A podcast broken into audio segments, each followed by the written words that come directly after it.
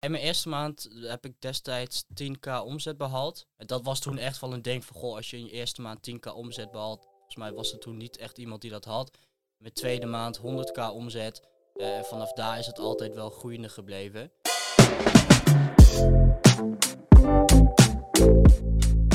Welkom bij de Lotgenoten Podcast. De podcast voor ondernemers die op zoek zijn naar tips, tricks en insights.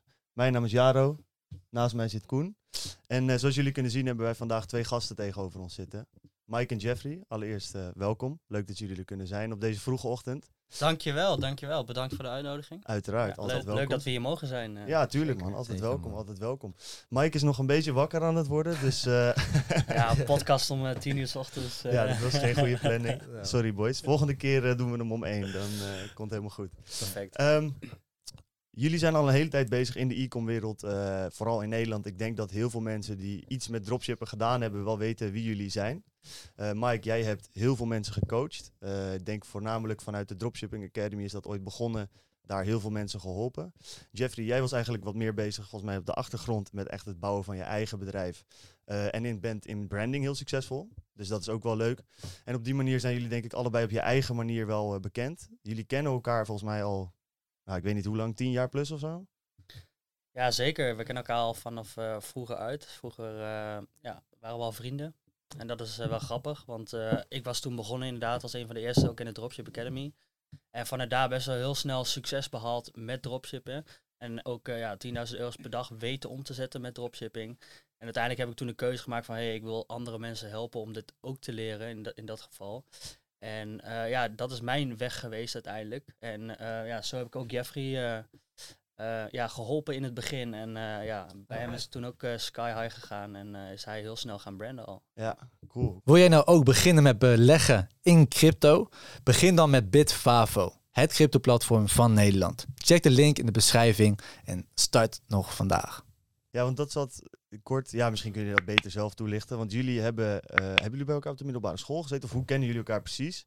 En hoe is die journey gegaan? Want ik weet, jullie hebben samen in de Lidl gewerkt. Ja, Nu eh, zitten jullie samen regelmatig eh, in Bali in de grootste villa's. Dat is een redelijk grote ontwikkeling, zeg maar. Kan je kort toelichten hoe dat is gegaan? Want jij bent volgens mij eerder begonnen met dropshippen dan Jeffrey. Maar jij was wel ook al aan het ondernemen, dus er was al misschien iets van een herkenpunt voor elkaar. klopt. van de Lidl naar Bali was het vooral altijd. Nee, klopt. Ik kende Michael wel van de middelbare school, maar toen gingen we nog niet echt met elkaar om. Eh, we zijn opgegroeid in hetzelfde dorp. Eh, dus we kenden elkaar al wel een beetje. En op een gegeven moment eh, kwam ik bij de Lidl te werken. Eh, en Mike werkte daar ook. En daar zijn we eigenlijk hele goede vrienden geworden. We stonden daar ook altijd al bekend van, nee, dat zijn wel de twee jongens die daar het hardste werken. We hadden daar altijd een streepje voor, omdat wij ons altijd 100% inzetten. Ehm, dus daar zijn we hele goede vrienden geworden. En Mike was op een gegeven moment bezig met dropshipping. En ik wist ook dat hij dat al wel een beetje deed. Eh, en ik heb toen de keuze gemaakt van nee, ik was nog bezig met mijn studie. Ik studeerde destijds in Groningen. Ehm Oh, nice. jaartje, jaartje op kamers gezeten, uiteindelijk eh, daar volledig mee gestopt. Eh, en destijds was ik zelf bezig met het bouwen van websites, het bouwen van webshops voor anderen.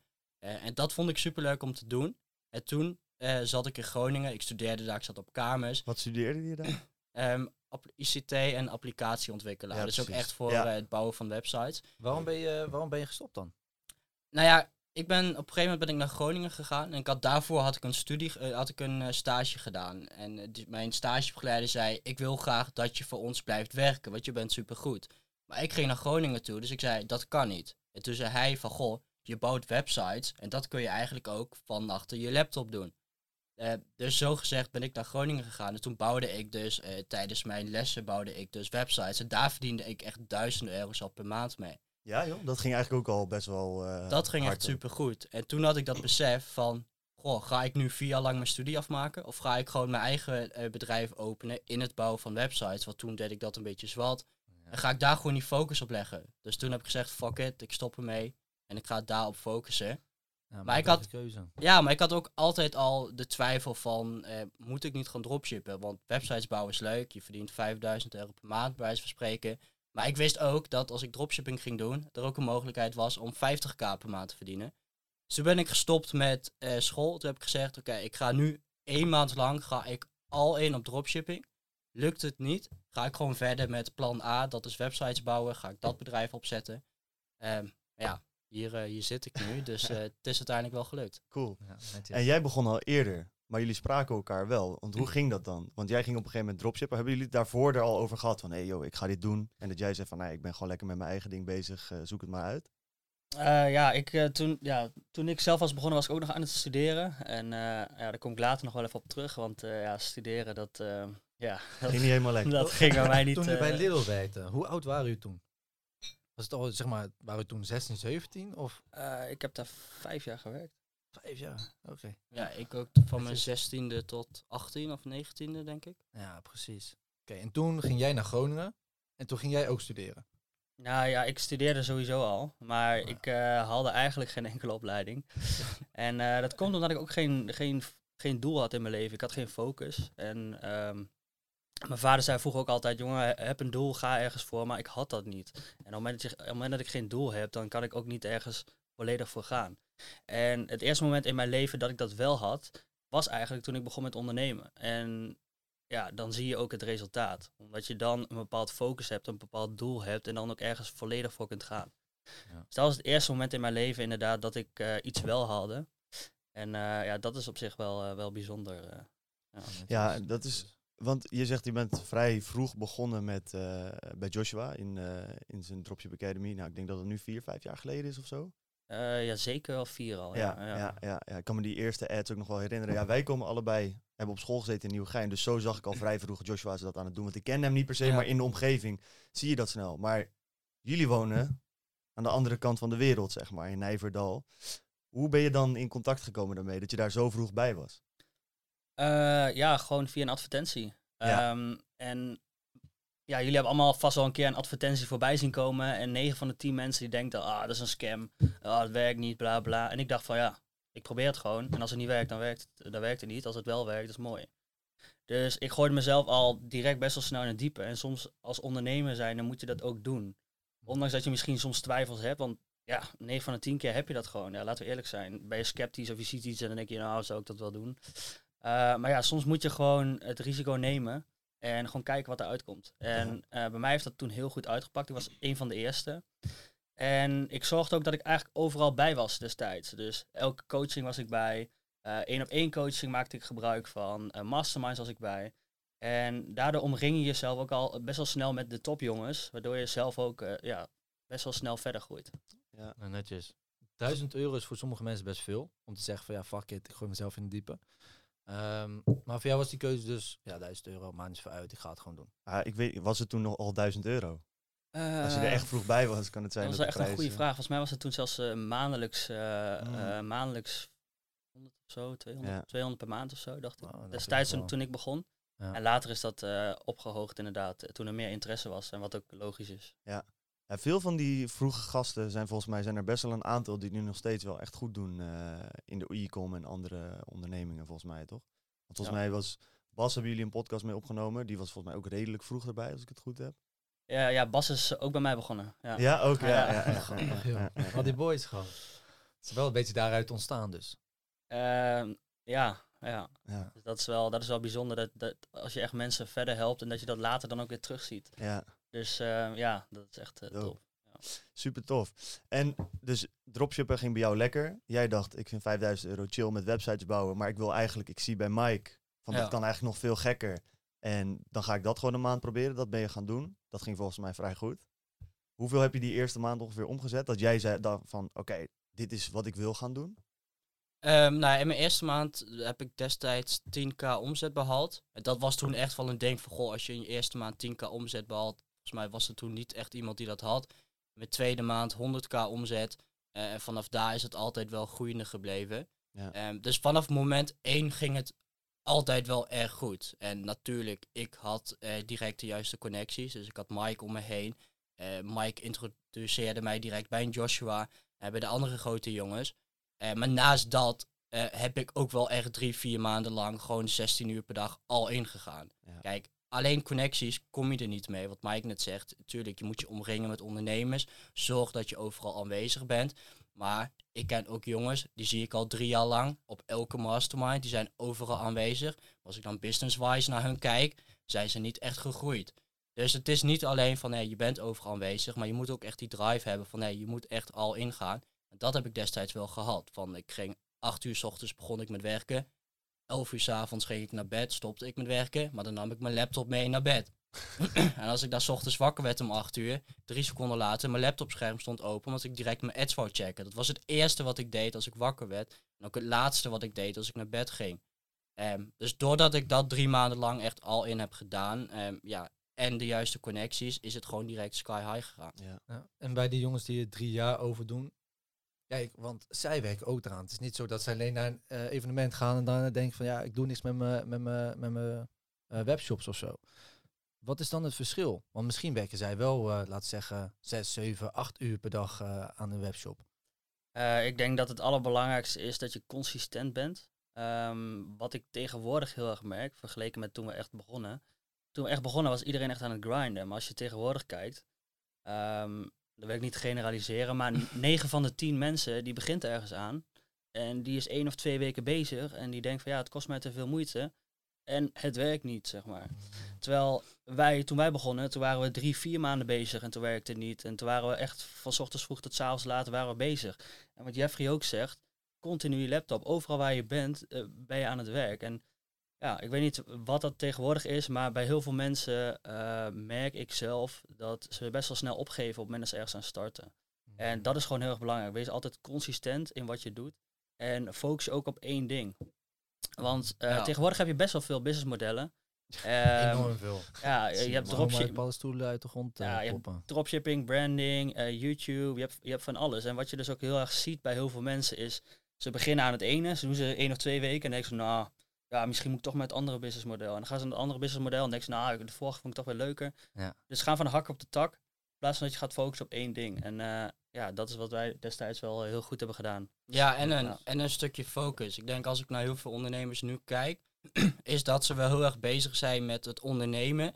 Maar niet zozeer met hun business. Dus ze hebben allemaal routines. Het is eh, naar de sportschool. Het is vroeg opstaan. Het is mediteren. Ze zijn de hele dag zijn ze allemaal bezig. Dat doen ze goed. Maar als ik dan kijk hoeveel uur steek jij daadwerkelijk in jouw business. En in het gedeelte in jouw business wat dus echt geld oplevert. Wat dus echt belangrijk is. Ja, dat is dan niet zoveel. Nee. Ja, dat is opmerkelijk. ja. Ik denk dat ook dat dit jaar echt onze nummer één soort van besef was. Van oké, op één ding focussen. Ja, Zo snel mogelijk ontdekken wat die money-making tasks zijn. Wat gewoon die, Precies. die 20% is, die 80% resultaat geeft. En daar volledig op focussen. Nou denk ik wel dat zeker voor beginners is dat nog best wel lastig. Want toen jij begon met dropshippen, had je ook geen idee wat hetgene was wat het geld echt ging opleveren. Dus je gaat eigenlijk alles doen en dan op een gegeven moment ontdek je van oké, dit is volgens mij hetgeen dat het belangrijkste is. Andere dingen kan ik uitbesteden en daar word je steeds beter in. Dus aan de ene kant denk ik wel dat het heel goed advies is, maar dat het bijvoorbeeld bij echt een beginner, ja, dat het gewoon nog niet gaat landen. Omdat je eigenlijk gewoon geen idee hebt wat je aan het doen bent. Ja, maar aan de andere kant is het wel zo van als jij eh, tegenwoordig wat je op, vaak op Instagram ziet en zo, zo'n perfecte routine. Dus je s ochtends vroeg opstaat en dan ga je affirmaties doen, dan ga je doelen Ja. opschrijven, dan ga je lezen voor een uur, dan ga je mediteren, ben je twee uur bezig al in je ochtendroutine. Dan ga je misschien een uurtje of twee uurtjes iets doen. En, oh en dan ga je sporten. Ja. Lekker man. En dan ga je natuurlijk, moet je wel gezond en goed eten. Hè? Dus moet je eerst nog die maaltijden maken, dan ga je gezond eten. En dan is het alweer één of twee uur. En dan heb je eigenlijk, wat jij net zei, dan heb je één of twee uurtjes echt gewerkt. Terwijl er al acht uur op zit of zo. Dus denk dat daar zeg maar, het verschil in zit. Hè? Ja, ja 100%. Kijk, ehm, ik wil niet zeggen dat de manier hoe ik het heb gedaan goed was. Want ik werkte echt 16 uur per dag. Ik eet, ik had niet eens tijd voor eten. Ik sloeg eten gewoon over. Hoe deed je dat? Het was alleen maar focus op mijn laptop, weet je. Ja. Ik, ik, ik verwaarloosde mijzelf eigenlijk. Dus ik wil niet zeggen dat dat goed is. Maar voor een beginner, voor mensen die, die echt succes wil behalen, zou mijn advies wel echt zijn van nee, gewoon drie maanden lang al ingaan. Want er is gewoon geen excuus. Er zijn zoveel businessmodellen momenteel. Dus als jij niet drie of vier maanden van jezelf, van jouw leven kunt opofferen om echt succes te behalen, ja, wat, wat ben je dan aan het doen? Ja, precies. Eens. Moet je wel weten dat je een goed model hebt. ja want, Want je kan het ook zelf gaan doen. En dan duurt het fucking lang. Klopt. Ja, true. Maar wat, ja, wat Jeffrey ook zegt inderdaad, kijk, eh, je hebt verschillende businessmodellen en ze werken eigenlijk allemaal. Ik krijg heel vaak de vraag, ja, welk businessmodel moet ik starten? Ja, eh, welke wil je starten? Ja. Want ze werken allemaal als jij maar werkt, snap je? En als jij maar die dedication en die focus erin stopt. Dat is het allerbelangrijkste. Ja, Ja. dit is heel goed Ja. advies voor iedereen die kijkt. Ja. Laat, draai het nog een keer terug, luister dit nog een keer, want dit is wat wij ook heel vaak hebben. Mensen, ik heb het beste idee ooit, dit businessmodel, dat businessmodel, het boeit echt geen fuck. Klopt. Mensen hebben met de raarste dingen geld verdiend, omdat ze gewoon... Je moet het gewoon gaan doen en dan ontdek je vanzelf wel van... Oké, hier moet ik een beetje aanpassen, een beetje bijsturen en dan komt het wel. Maar als jij elke twee weken verandert, ja, dan weet je sowieso zeker dat het nooit gaat lukken. Maar daarbij is het wel belangrijk. Kijk, dat heb ik met mijn oude bedrijf ook gehad. Ehm, daarin eh, gaf ik coaching aan studenten. Allemaal heel leuk en aardig, maar ik begon gewoon. Ik gooi mezelf in de diepe. Maar ik had bijvoorbeeld geen cursus, net als Dropship Academy, waarin ik iets kon leren. En kon leren, oké, wat is nou precies een bedrijf? En hoe start je een bedrijf? En wat moet je nou precies ervoor weten? Dus inderdaad, het is prima om dan drie of vier maanden jezelf gewoon, ja, gewoon dag en nacht te gaan werken. Prima. Maar dan moet je wel weten, inderdaad, dat je wel de juiste richting op gaat. Want als je het allemaal zelf gaat uitzoeken, dan kan het zijn dat je helemaal naar links gaat, terwijl je eigenlijk altijd naar rechts moest gaan. True. Klopt. En ik denk dat daar een toevoeging, sorry, dit is eigenlijk nog wat ik zou aanraden, is misschien niet eens dat ik een algemene cursus, want ik heb ook wel, dan kocht ik cursus, had je video's, die ging je kijken.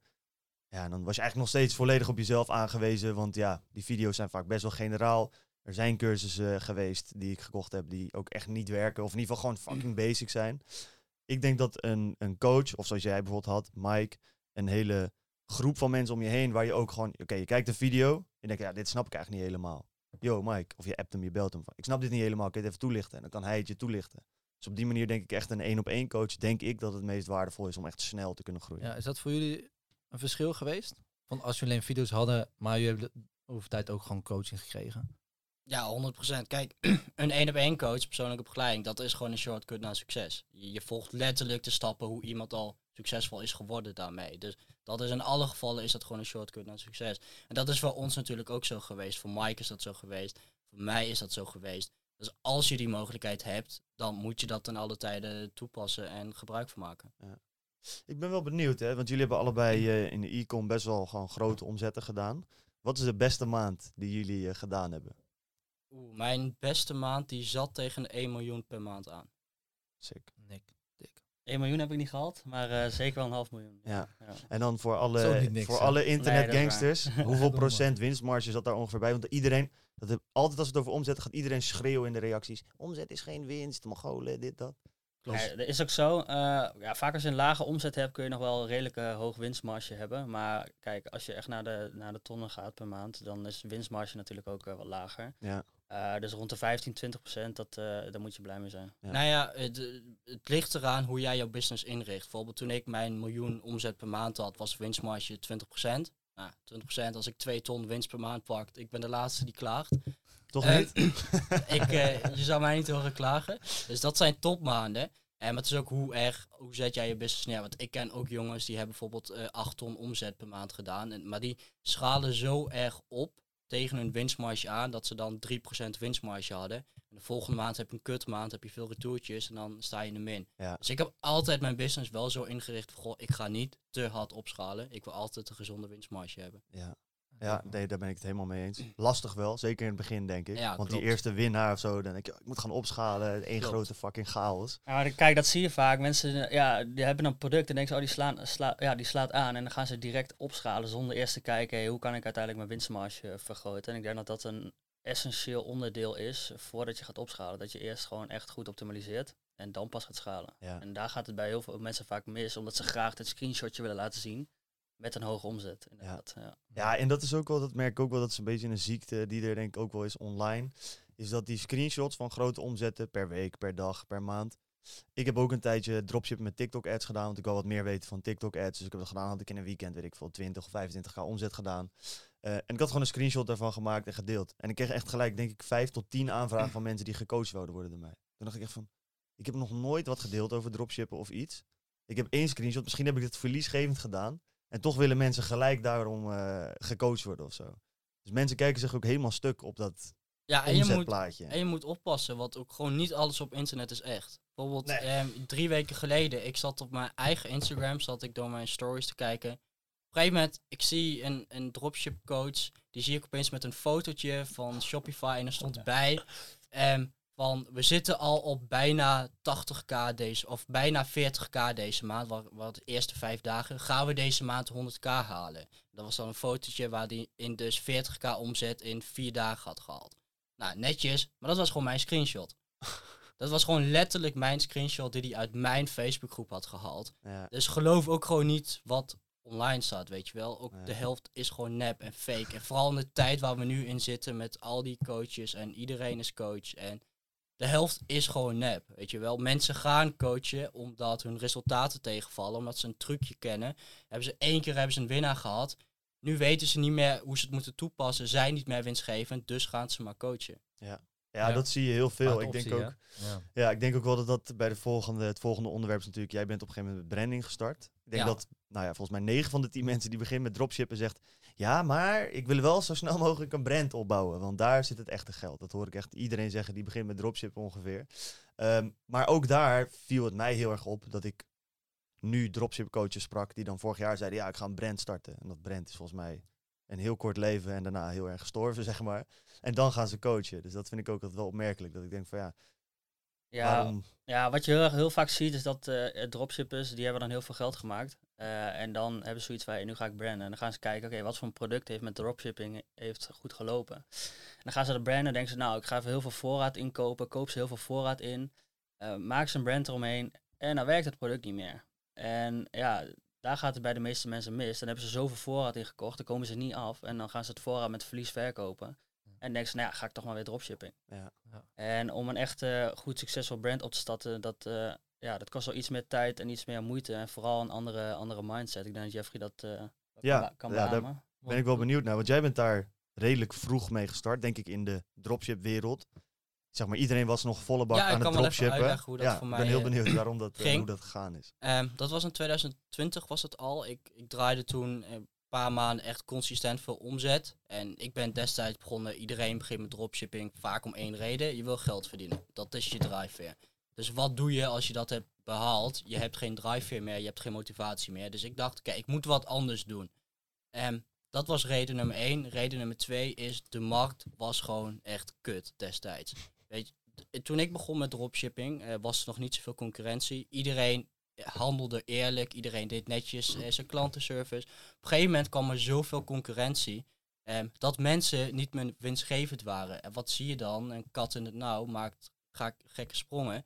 Mensen gingen trucjes toepassen in hun business van waar ik totaal niet achter stond. Van nee, eh, 1 plus 3 gratis en dan 1 leveren. Of adverteren met een cashboom en dan krijgen klanten krijgen een sticker thuis van een cashboom. Die video heb ik ook Ja, weet je, dat soort shit. En Oh. ik had op een gegeven moment van, ik had best wel een naam in dropshipping. Ik, Floris, Menno, we waren een van de grote jongens. Dan heb je gewoon een naam. Dus als mensen over dropshipping hebben, kijken ze automatisch jou aan. Dus ik had zoiets van, nee, ik wil hier niet meer geassocieerd worden. Dus ik stop ermee. Een of andere dag 30 stores offline gehaald. Der- je had 30 stores? Ja, 30 plus. Ik heb wel mijn klantenservice en zo natuurlijk netjes afgesloten. Ja.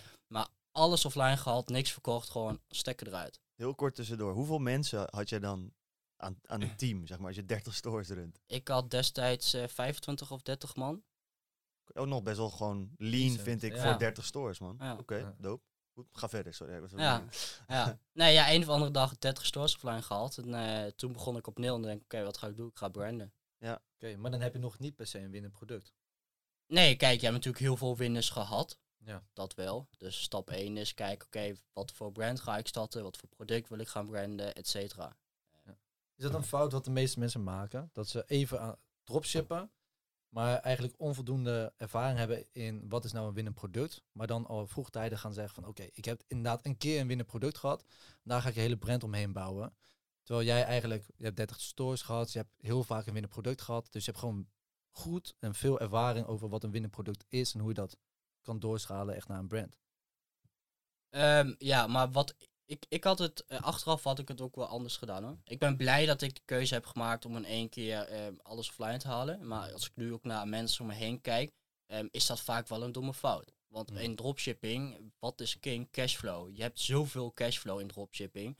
Dus je hebt een bepaalde levensstijl, je, er komt veel geld binnen. Bij branding is dat in het begin niet zo. Ehm, dus ik zie heel veel mensen die daarmee struggelen, die van dropshipping naar iets lange termijns vullen. Die gaan in vastgoed, die gaan in YouTube automation, die gaan in bol.com, voorraad, omdat ze allemaal een lange termijn business willen. Maar na drie maanden gaan ze allemaal stuk, omdat ze geen cashflow meer hebben.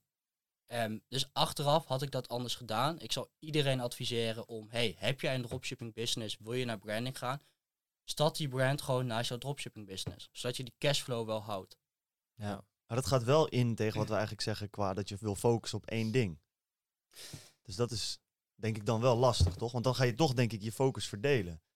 Van oké, hoe jij had 30 mensen in dienst. eh, of in ieder geval, je had een team van 30 mensen.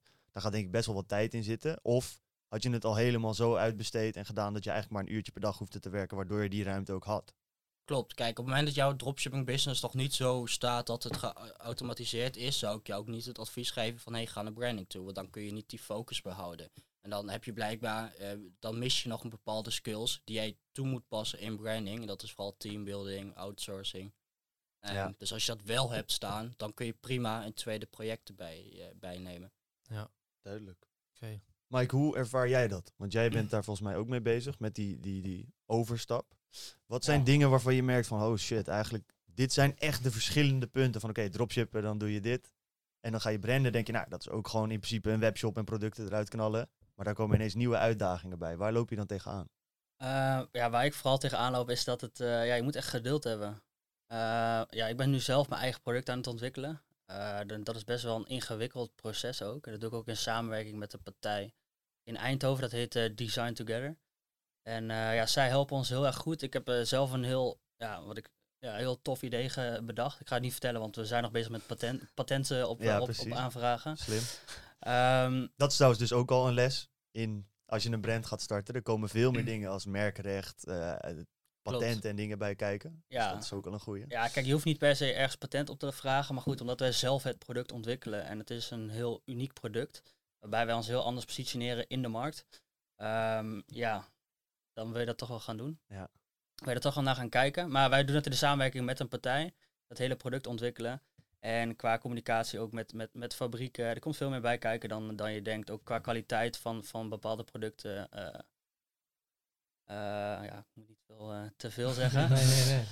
Maar ja, er komt veel meer, veel meer bij kijken dan, dan je denkt. En wa- wat voor, voor mij vooral zoiets was, dat het echt best wel heel lang duurt om, om je eigen product te ontwikkelen. Ja. Ja. ik had eigenlijk al gehoopt dat we klaar waren. Mhm. Maar ja, we zijn er bijna, over twee weken. Over twee weken. En hoe lang Cool. heeft het geduurd om dat te ontwikkelen dan? Uh, tien- we zijn nu tien maanden verder. Ja. Tien maanden Ja. verder. Ja. Was het bij jou ook zo? Nee, zeker niet. Sneller. Veel sneller. Oh, ja. Veel sneller. wat, wa- wat is het verschil dan? Van jij ontwikkelt het helemaal en jij ging het gewoon... Nou, kijk, je hebt een verschil tussen eh, private label. Dus dat is Ja. een bestaand product eigenlijk eh, je eigen brand van maken. Dus of, oftewel je eigen branding op, opdoen. Of dat je hem net iets aanpast waardoor het je eigen product is. Eh, dus dat, eh, dat proces kan veel sneller gaan dan wanneer je gewoon een heel eigen product ontwikkelt. En dat helemaal AB gaat testen zodat de kwaliteit het beste is, et cetera. Dat gaat gewoon iets langer overheen. Ja. Ja. precies. Dus jij begon echt gewoon vanaf nul. En jij zei, je had eigenlijk al de winnende producten, maar die ging je gewoon eigen maken. Maar daar is ook weer een heel belangrijke fout die je daarin kan maken. Dat is namelijk dat je dat doet en gewoon eruit gaat knallen. Want dat weet ik wel. Jij hebt op dat product op een gegeven moment ook verbeterd op basis van, toch? Op, op basis van klantfeedback. Dat je ook gaat kijken, oké, waar is, komt dit product eigenlijk tekort? Kunnen we het nog beter maken? Klopt, 100%. Kijk, het verschil daarin is, ehm, hoe staat momenteel jouw leven of je business ingericht? Kijk, Mike, eh, die, die, die kon dat veroorloven om te zeggen, hey, ik ga een heel nieuw product ontwikkelen, het duurt 10 maanden, maar hij heeft het helemaal uitbesteed en het is niet echt dat het wat langer duurt. Maar je ziet vaak dat jongens, als je van dropshipping naar branding wil, dat je wel je cashflow moet opbouwen en je moet sneller resultaat zien. Dus dan is mijn advies ook altijd aan jongens, ga niet je eigen product vanaf het begin ontwikkelen, wat Mike nu doet. Mike zit in een situatie waarin hij dat wel kan doen. Hij kan zich het veroorloven. Veel jongens kunnen dat niet. Ehm, dus dan zou ik dat niet doen. En dan zou ik kijken, oké, hoe kan ik er brand neerzetten om zo snel mogelijk live te gaan. En dat is ook wat ik heb gedaan. En vanuit daar ben ik gaan bouwen. Ja. Dus vanuit daar ben ik nieuwe producten gaan toevoegen. Eigen producten, verschillende maten, verschillende kleuren, product verder ontwikkelen. Ehm, dus ja, zodoende. Ja, ik denk ook dat dat wel... En ik, ik, raad ook, ik raad ook zeker aan wat Jeffrey zegt. Want eh, dan kun je de kosten ook een beetje lager op het moment dat je al een bestaand product hebt. Ja, en je hebt ook proof of concept. Ja, 100%. Meer. Dat is, dit is in principe, heb je dat product, heb je misschien al verkocht. Of het is al duidelijk van, oké, dit zijn de omzet ongeveer. Dit is de inkoop, dit is hoe het gaat. Zeker. En jij bent eigenlijk, zeg maar, jij bent van, als dropship een soort van het kinderbadje is, dan ben jij zeg maar naar, het naar een bad dieper en jij staat zeg maar op de hoge duikplank. Want jij Ja, doet ik- uiteindelijk ik- gewoon ik- het lijfste. Waar denk ik ook de gains wel het hoogst kunnen zijn. Ja, ik raad ook niet iedereen aan om dat te doen. Ehm, maar ik had gewoon zo'n vet idee dat ik dacht, ja, ik heb zoveel vertrouwen in. Ik, ik, ga, het gewoon, eh, ik ga het gewoon laten werken. Ja. Ehm, ja, dan kom je wel 10.000 euro's verder natuurlijk, qua investering. Ja. Maar ja, als het het dan is, dan heb je ook echt helemaal je eigen product wat niemand anders heeft. En ehm, dat is de reden waarom ik daar gewoon 100% voor ben gegaan. En wat Jeffrey ook zei, eh, als je daar geen ervaring in hebt eh, of niet in de juiste situatie zit, dan zou ik dat zeker niet doen. Nee. Uh, maar ik doe het in samenwerking met een andere partij. Dus je hebt echt een soort van sparringspartner waarbij zij echt een heel groot deel van het proces uit handen, neem, uh, handen nemen. En ook heel veel mensen in een team hebben die aan jouw project werken. Ja. Waardoor het voor mij qua tijdmanagement uh, ja, gewoon heel uh, makkelijk is. En is dat dan dat je die partij betaalt of hebben ze ownership in het bedrijf ook? Nee, je betaalt alleen de partij voor de ontwikkeling zelf. Ja, Ja. oké. Ja, ja. ja, ik denk dat Ja. meerdere dingen kunnen, denk ik. Misschien ook wel. Dat als je zegt van ja, ik heb eigenlijk misschien niet het geld, maar wel een supergoed idee. Ja, pitch het aan zulke partijen. Dan denk ik dat er ook wel partijen zijn die dan met jou gaan werken. Op basis van eh Ja, dus dat- ik, ik kom zelf met het idee. Ik heb het helemaal uit, uitgeschetst. Ehm, en eh, zij werken het helemaal uit. En ze vragen dan feedback aan mij. En zo ontwikkel je dat hele product. Ja. Maar zij hebben natuurlijk heel erg veel verstand van ja, waar, waarvan wat moet het gemaakt worden. Eh, hoe maken we het, design, et cetera. Ehm, dus dat totale plaatje, ze helpen je eigenlijk tot, tot, tot de fabriek, zeg maar, tot de mal wordt gemaakt. En deze partij is zo chill dat ze eigenlijk ons nog iets verder helpen. ja. Eh, om het uiteindelijk ook in te kopen en eigenlijk het hele proces compleet te maken. Want, omdat ze er zelf ook zoveel vertrouwen in hebben dat, dat ze ons zelf nog daarmee eh, willen Ja. helpen. Dat is wel Nice. heel erg vet. En hoe ben je dan bij zo'n partij gekomen? Want ik kan wel begrijpen dat mensen denken van, hé, oké, straks heb ik een winnenproduct, misschien wil ik daar wel wat mee gaan doen, wil ik dan een brand gaan opbouwen, ik wil het niet allemaal zelf gaan doen. Waar de fuck zijn ze? Eh, ja, ik, eh, Google? Eh, ik heb ze niet leren kennen via Google. Nee, ik, dit project doe ik samen met Stef, dus een businesspartner van mij. Andere Ja. businesspartner. En eh, ja, hij had eh, deze personen in, eh, in zijn netwerk. ja. Dus dat is Ah, top. Netwerk is eh, Netwerk. key bij dit soort dingen Ja, volgens mij. eh, Ja, Toch? met alles denk ik. Netwerk Ja, is key. zeker. Ja. ja, ja, ja. Sterk wel. Ja, Sterk. dat is bizar hoeveel dingen je in netwerk, ook de gekste dingen zeg maar. Nu ook door die podcast spreken wij soms echt mensen dat ik denk, what the fuck, hoe de- waar verdien jij nou weer geld mee? Met de raarste dingen. ja. Zo'n gast, die spraken we op, op zo'n eh, borrel ook, die verdiende geld met plaatsingen in eh, Spotify-lijsten en zo. Ik heb dat al vaker genoemd in de podcast, fucking lijp. Gewoon echt een grote business in die plaatsingen en zo. Gewoon rare dingen waar ik nou echt nooit aan zou denken zelf. Ja. Ik vind dat wel eh, cool om te zien. Ja, veel verschil. Als je dan kijkt, hè, van, ehm, oké, je moet het even wat simpeler maken. Hè? Je hebt bijvoorbeeld vijf stappen. En dan heb je, eh, kunnen we zeggen, oké, je hebt een succesvol eh, e-com business. Of kun, kan zeggen, oké, ik heb een succesvol, eh, succesvolle brand. Hoe zouden jullie dat dan opdelen in die vijf stappen? Wat zijn dan de fases waar je dan in moet zitten voordat je weer verder kan gaan? Van nul naar dropshipping, of van nul naar branding. Of Ja, ik, wat, wat zeggen jullie zelf? Branding of een succesvol e-com business?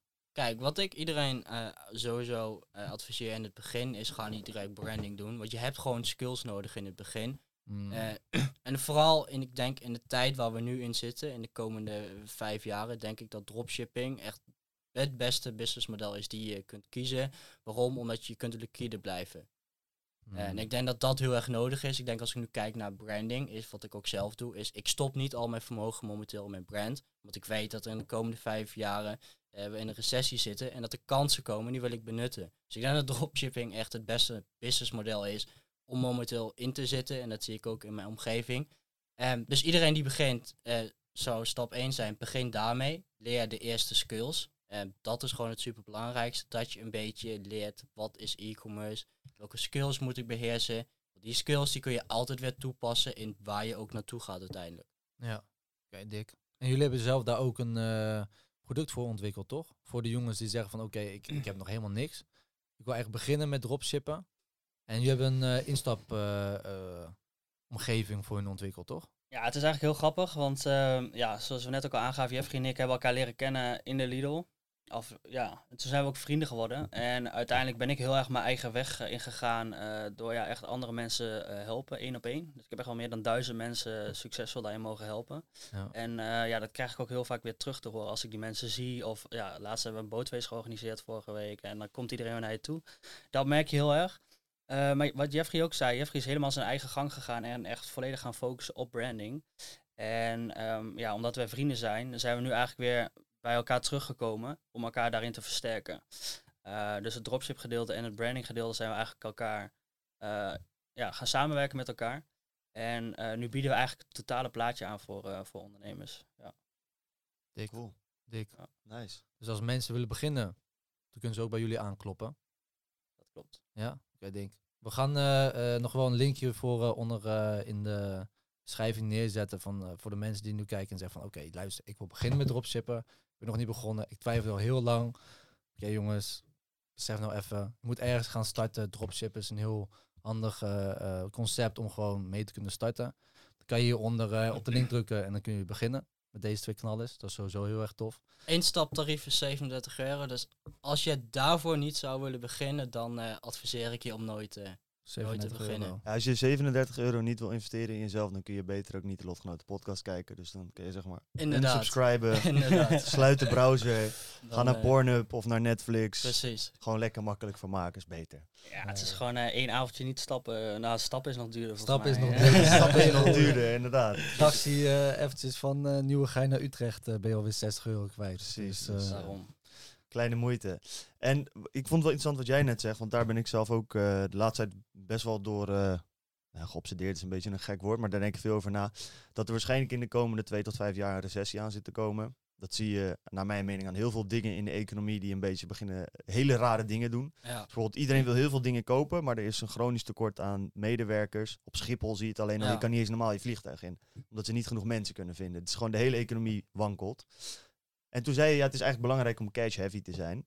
Ik heb daar een hele video over gekeken. Ik vind dat een heel interessant concept. Maar zou je kort kunnen uitleggen waarom dat belangrijk is? Want dan is het ook voor iedereen die denkt van, ja, ik wil misschien beginnen met dropshippen of branding. Dan weten ze ook even waarom het zo noodzakelijk op is om eigenlijk binnen nu en drie jaar minimaal een ton te verdienen. Om te kunnen profiteren van alle fucking kansen die eraan komen. In plaats van dat je straks bij je werkgever eruit geflikkerd wordt en zonder werk op straat staat, zeg maar. Klopt. Ik denk als je, als je kijkt naar ehm, de rijkste mensen ter aarde, op het moment dat zij echt rijk zijn geworden, dat is altijd in, in slechte tijden geweest. Dat is altijd in recessies geweest. Nou ja, dan ga je kijken waarom is dat zo. Dat is om op dat moment liggen er gewoon heel veel kansen. Voor een hele grote groep ehm, van de bevolking is zo'n recessie is gewoon heel na. Je verliest je baan, eh, er gebeuren allerlei dingen, dus je gaat erop achteruit.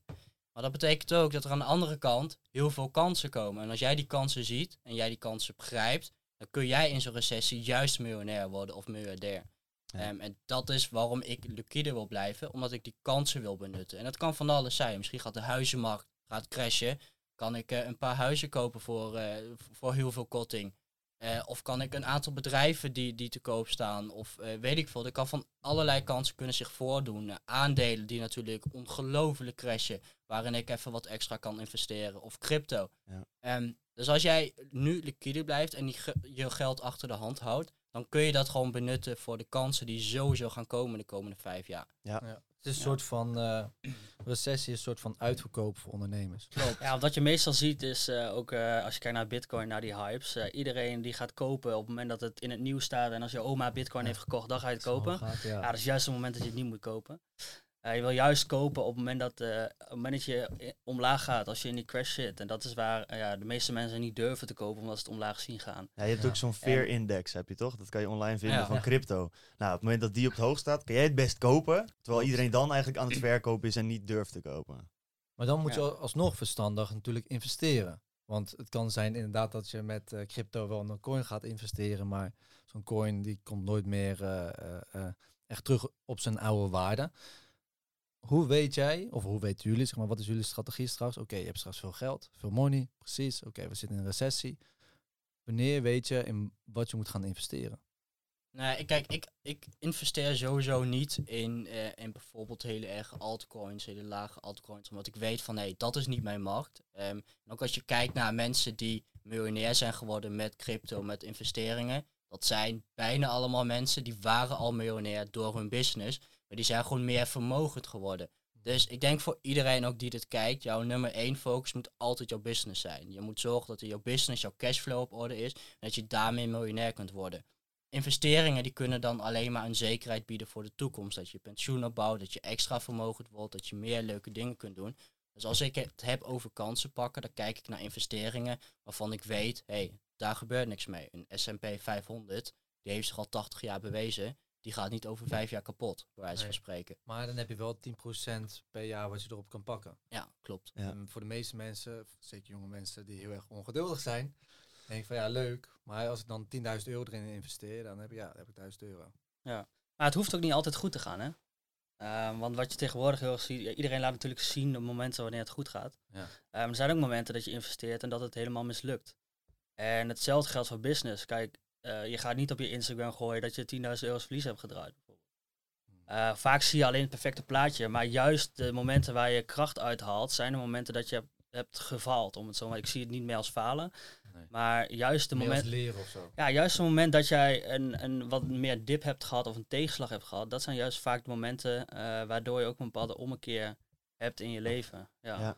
Heb je daar dan, dan heb, wil ik van jullie allebei weten, heb je daar een voorbeeld van? Van dat je zegt, ja, toen ging het gewoon echt kut. Toen Ja. wist ik gewoon niet meer wat ik moest doen. Gewoon het laagste punt van je leven die je op dit moment hebt eh, en wat gehad. heb je daarvan geleerd? Ja. ja, ik denk dat wij het allebei wel hebben. Ik, ja, ik eh, zal hem bij deze aftrappen dan. Yes. Eh, heb ik ook nog nooit eerder verteld. Oké. Eh, dus dit is Een wel een, wel een persoonlijk, persoonlijk verhaal. Nee, ja, toen ik begon met ondernemen, toen liep, bij mij ging alles best wel heel erg snel. Ik verdiende heel veel, heel snel, heel veel geld. En ik ging de hele wereld rondreizen, et cetera. En waar ik ook de fout in ging, en waar we het net ook over hebben gehad, is...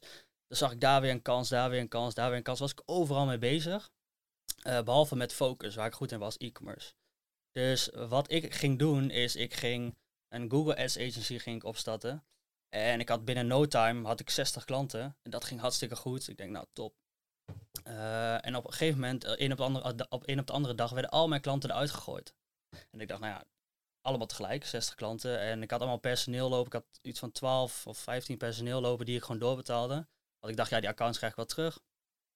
Kreeg ik maar niet terug, kreeg ik maar niet terug. Eén maand verder. Ik probeerde die refunds uit te stellen, twee maanden verder. Lukte maar niet. Op een gegeven moment ja, liep ik nat. En omdat ik alles via mijn eigen Instagram promote, kreeg- trok mij dat heel persoonlijk aan. Dus één les wat ik toen heb geleerd is, hey, business en persoonlijk, eh, probeer dat niet, eh, probeer je niet persoonlijk aan te trekken. Want ja, je mag ook fouten maken, zeg maar. Dus dat was één les die ik voor mezelf eh, echt heb, heb gehad. Eh, maar de tweede les is, wees niet afhankelijk van één bepaald ding. Ik was toen des- destijds alleen afhankelijk van Google. Dus stel dat je nu e-commerce doet of je bent aan het dropshippen, zorg, dat je, zorg ervoor dat je niet afhankelijk bent van één platform. Dat als één platform jou eruit gooit, dat je dan gelijk helemaal plat ligt. Dus zorg ervoor dat je altijd op verschillende platformen actief bent. Waardoor als je bij eentje even niet verder komt, dat je altijd nog andere platformen ernaast hebt lopen. Dus dat is, mijn eerste tip. Daar ging ik echt super nat. Dus dat was echt 10.000 euro's verlies. Dus ik zat toen best wel echt in een dip. En toen dacht ik, oké, ik ga Forex leren. Toen zag ik weer een andere kans. Eh, ik dacht, ga Forex leren. Ik, eh, ik gooi eh, 10.000 euro in een, in een bot. En ik ging zelf Forex leren. Maar omdat ik zoveel verlies had met mijn Google Agency, dan zat het in mijn hoofd dat ik het moest terugverdienen. Dus ik dacht met Forex, ik ga terugverdienen. Had ik geïnvesteerd in een bot, 10.000 euro weg. Dacht ik, kut. Ja, ik moet die 10.000 euro terugverdienen. Nog een keer 10.000 euro erin, weer weg. Ik denk dat ik casino dit, joh. En eh, op een gegeven moment, ja, ik, ik- op een gegeven moment, dacht ik, ja, het gaat helemaal niet meer goed. Ik dacht, oh, moet, moet nog belasting betalen. Ik had, eh, toen stond ik op een gegeven moment een ton in de schulden. En toen dacht ik, ja, waar ben ik eigenlijk mee bezig? Dus dat was voor mij, was het echt een van mijn eh, dieptepunten in mijn leven. Dat ik dacht van, hé, hey, eigenlijk ben ik super goed in e-commerce. Eh, daar heb ik eigenlijk al mijn geld mee verdiend. Ging super lekker. Maar nu ben ik alles aan het verkloten, omdat ik eigenlijk met alles bezig ben. Behalve eh, met waar ik goed in ben. Dus toen ben ik echt overal mee gekapt. En toen ben ik gaan kijken, hey, wat vind ik nou echt leuk? Wat maakt me nou echt gelukkig? En toen ben ik weer eh, verder gegaan met e-commerce. En ja, 10.000 euro schulden. Ik dacht toen op dat moment, ja, wat, eh, wat moet ik nog? Ik, was, ik, was, ik zat me echt tot hier. Ik denk, ja, wat moet, wat moet, ik, met, wat moet ik met mijn leven, dacht ik. En, maar dat zijn juist de momenten, op het moment dat je dat doorstaat en daar doorheen komt, ja, dan, ja, wie, of wat houdt je dan nog tegen als je zeg maar dat hebt, dat hebt doorstaan en ook dat hebt overwon- overwonnen? Want nu ben ik er ruimschoots uit. En eh, ook best wel snel ben ik daar weer uitgekomen. Maar op dat moment, als je daarin zit, dan denk je, ja, dit kom ik nooit meer uit. En, ehm, maar ik heb daar juist heel veel van geleerd van, hey, focus je op één ding. Focus je op waar je goed in bent. En probeer niet overal van hak op de tak eh, elk businessmodel, elke kans proberen te pakken. En probeer ook niet, ja, op het moment dat je wat verlies draait, probeer dat niet persoonlijk op te vatten. En probeer het niet terug te pakken, zeg maar. Want het werkt niet. Focus gewoon op waar je goed in bent. Focus je op één ding en ga daar gewoon 100% voor. Sterk, man. Goed verhaal, man. En wel, eh, Lijp ook. Oké boys, we onderbreken de podcast even, want we zitten in een bear market. En voor veel mensen klinkt dat eng, maar de realiteit is, is dat dit een periode kan zijn waarin jij life-changing amounts of money kan verdienen. Maar daarvoor is het wel belangrijk dat je rustig blijft. En volgens mij hoeven wij ons daar helemaal geen zorgen over te maken, want lotgenoten panicellen niet, we houden de rust en pakken de kansen waar ze liggen. Right? Daarom wordt deze podcast gesponsord door Bitfavo. Nu de cryptomarkt lager staat dan de Trustpilot score van de gemiddelde dropshipper en de Fear Index op extreem hoog, is het tijd om eindelijk eens te luisteren naar die quotes die je al jaren in je story post. Buy when there's blood in the streets. Nou, dat bloed dat is er en Bitfavo gaat jou helpen om die kansen te pakken. Met Bitfavo kun je veilig investeren in alle grote cryptocurrencies, zoals Bitcoin, Ethereum en Ripple. En wil je graag daytraden? Zelfs dat is mogelijk met de nieuwe Bitfavo Exchange. Dus wil je optimaal gebruik maken van de kansen in de markt, dan hebben wij een prachtige deal voor je. Als jij vandaag aanmeldt bij Bitfavo, betaal je over de eerste 1000 euro die je treedt via Bitfavo 0 euro aan handelskosten. Dat betekent dat jij helemaal gratis je geld slim kunt gaan investeren. Dus wil je nu echt vermogen opbouwen? Klik dan op de link in de beschrijving en profiteer vandaag. Ik denk dat voor heel veel mensen is alleen die gedachte al een ton schuld. Uh, ik denk dat ze dan al uh, ja, zweet krijgen. Zeg. Ja, en, en, en ik, heb dat, ik heb dat ook nooit. Kijk, je, je deelt op Instagram deel je alleen de leuke plaatjes. Hey, ik ben in Bali, bla bla. Alle leuke dingen. Maar kijk, dit soort dingen deel je niet. Nee. En, uh, Waarom deel je dit niet? Omdat ik, ja, als ik nu zo denk, ja, waarom deel ik het eigenlijk niet? Want ja, misschien gaan mensen dan juist meer uh, perspectief zien, gaan ze mensen meer begrijpen. Ja. Maar op dat moment schaamde ik me heel erg, omdat ik dacht, hey, ik heb dit allemaal opgebouwd.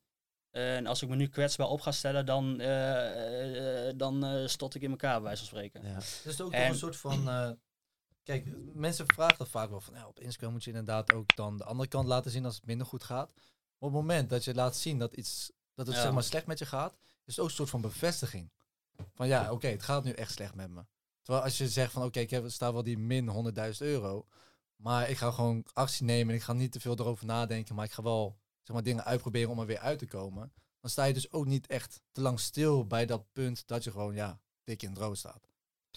Ja, kijk, op dat moment is het vooral, uh, vooral schaamte, denk ik. En dan ja. durf je dat niet. En op dit moment zou ik het wel kunnen. Maar dat komt ook omdat ik afgelopen jaren als ondernemer gewoon gigantisch erg ben gegroeid. Ook op persoonlijk vlak.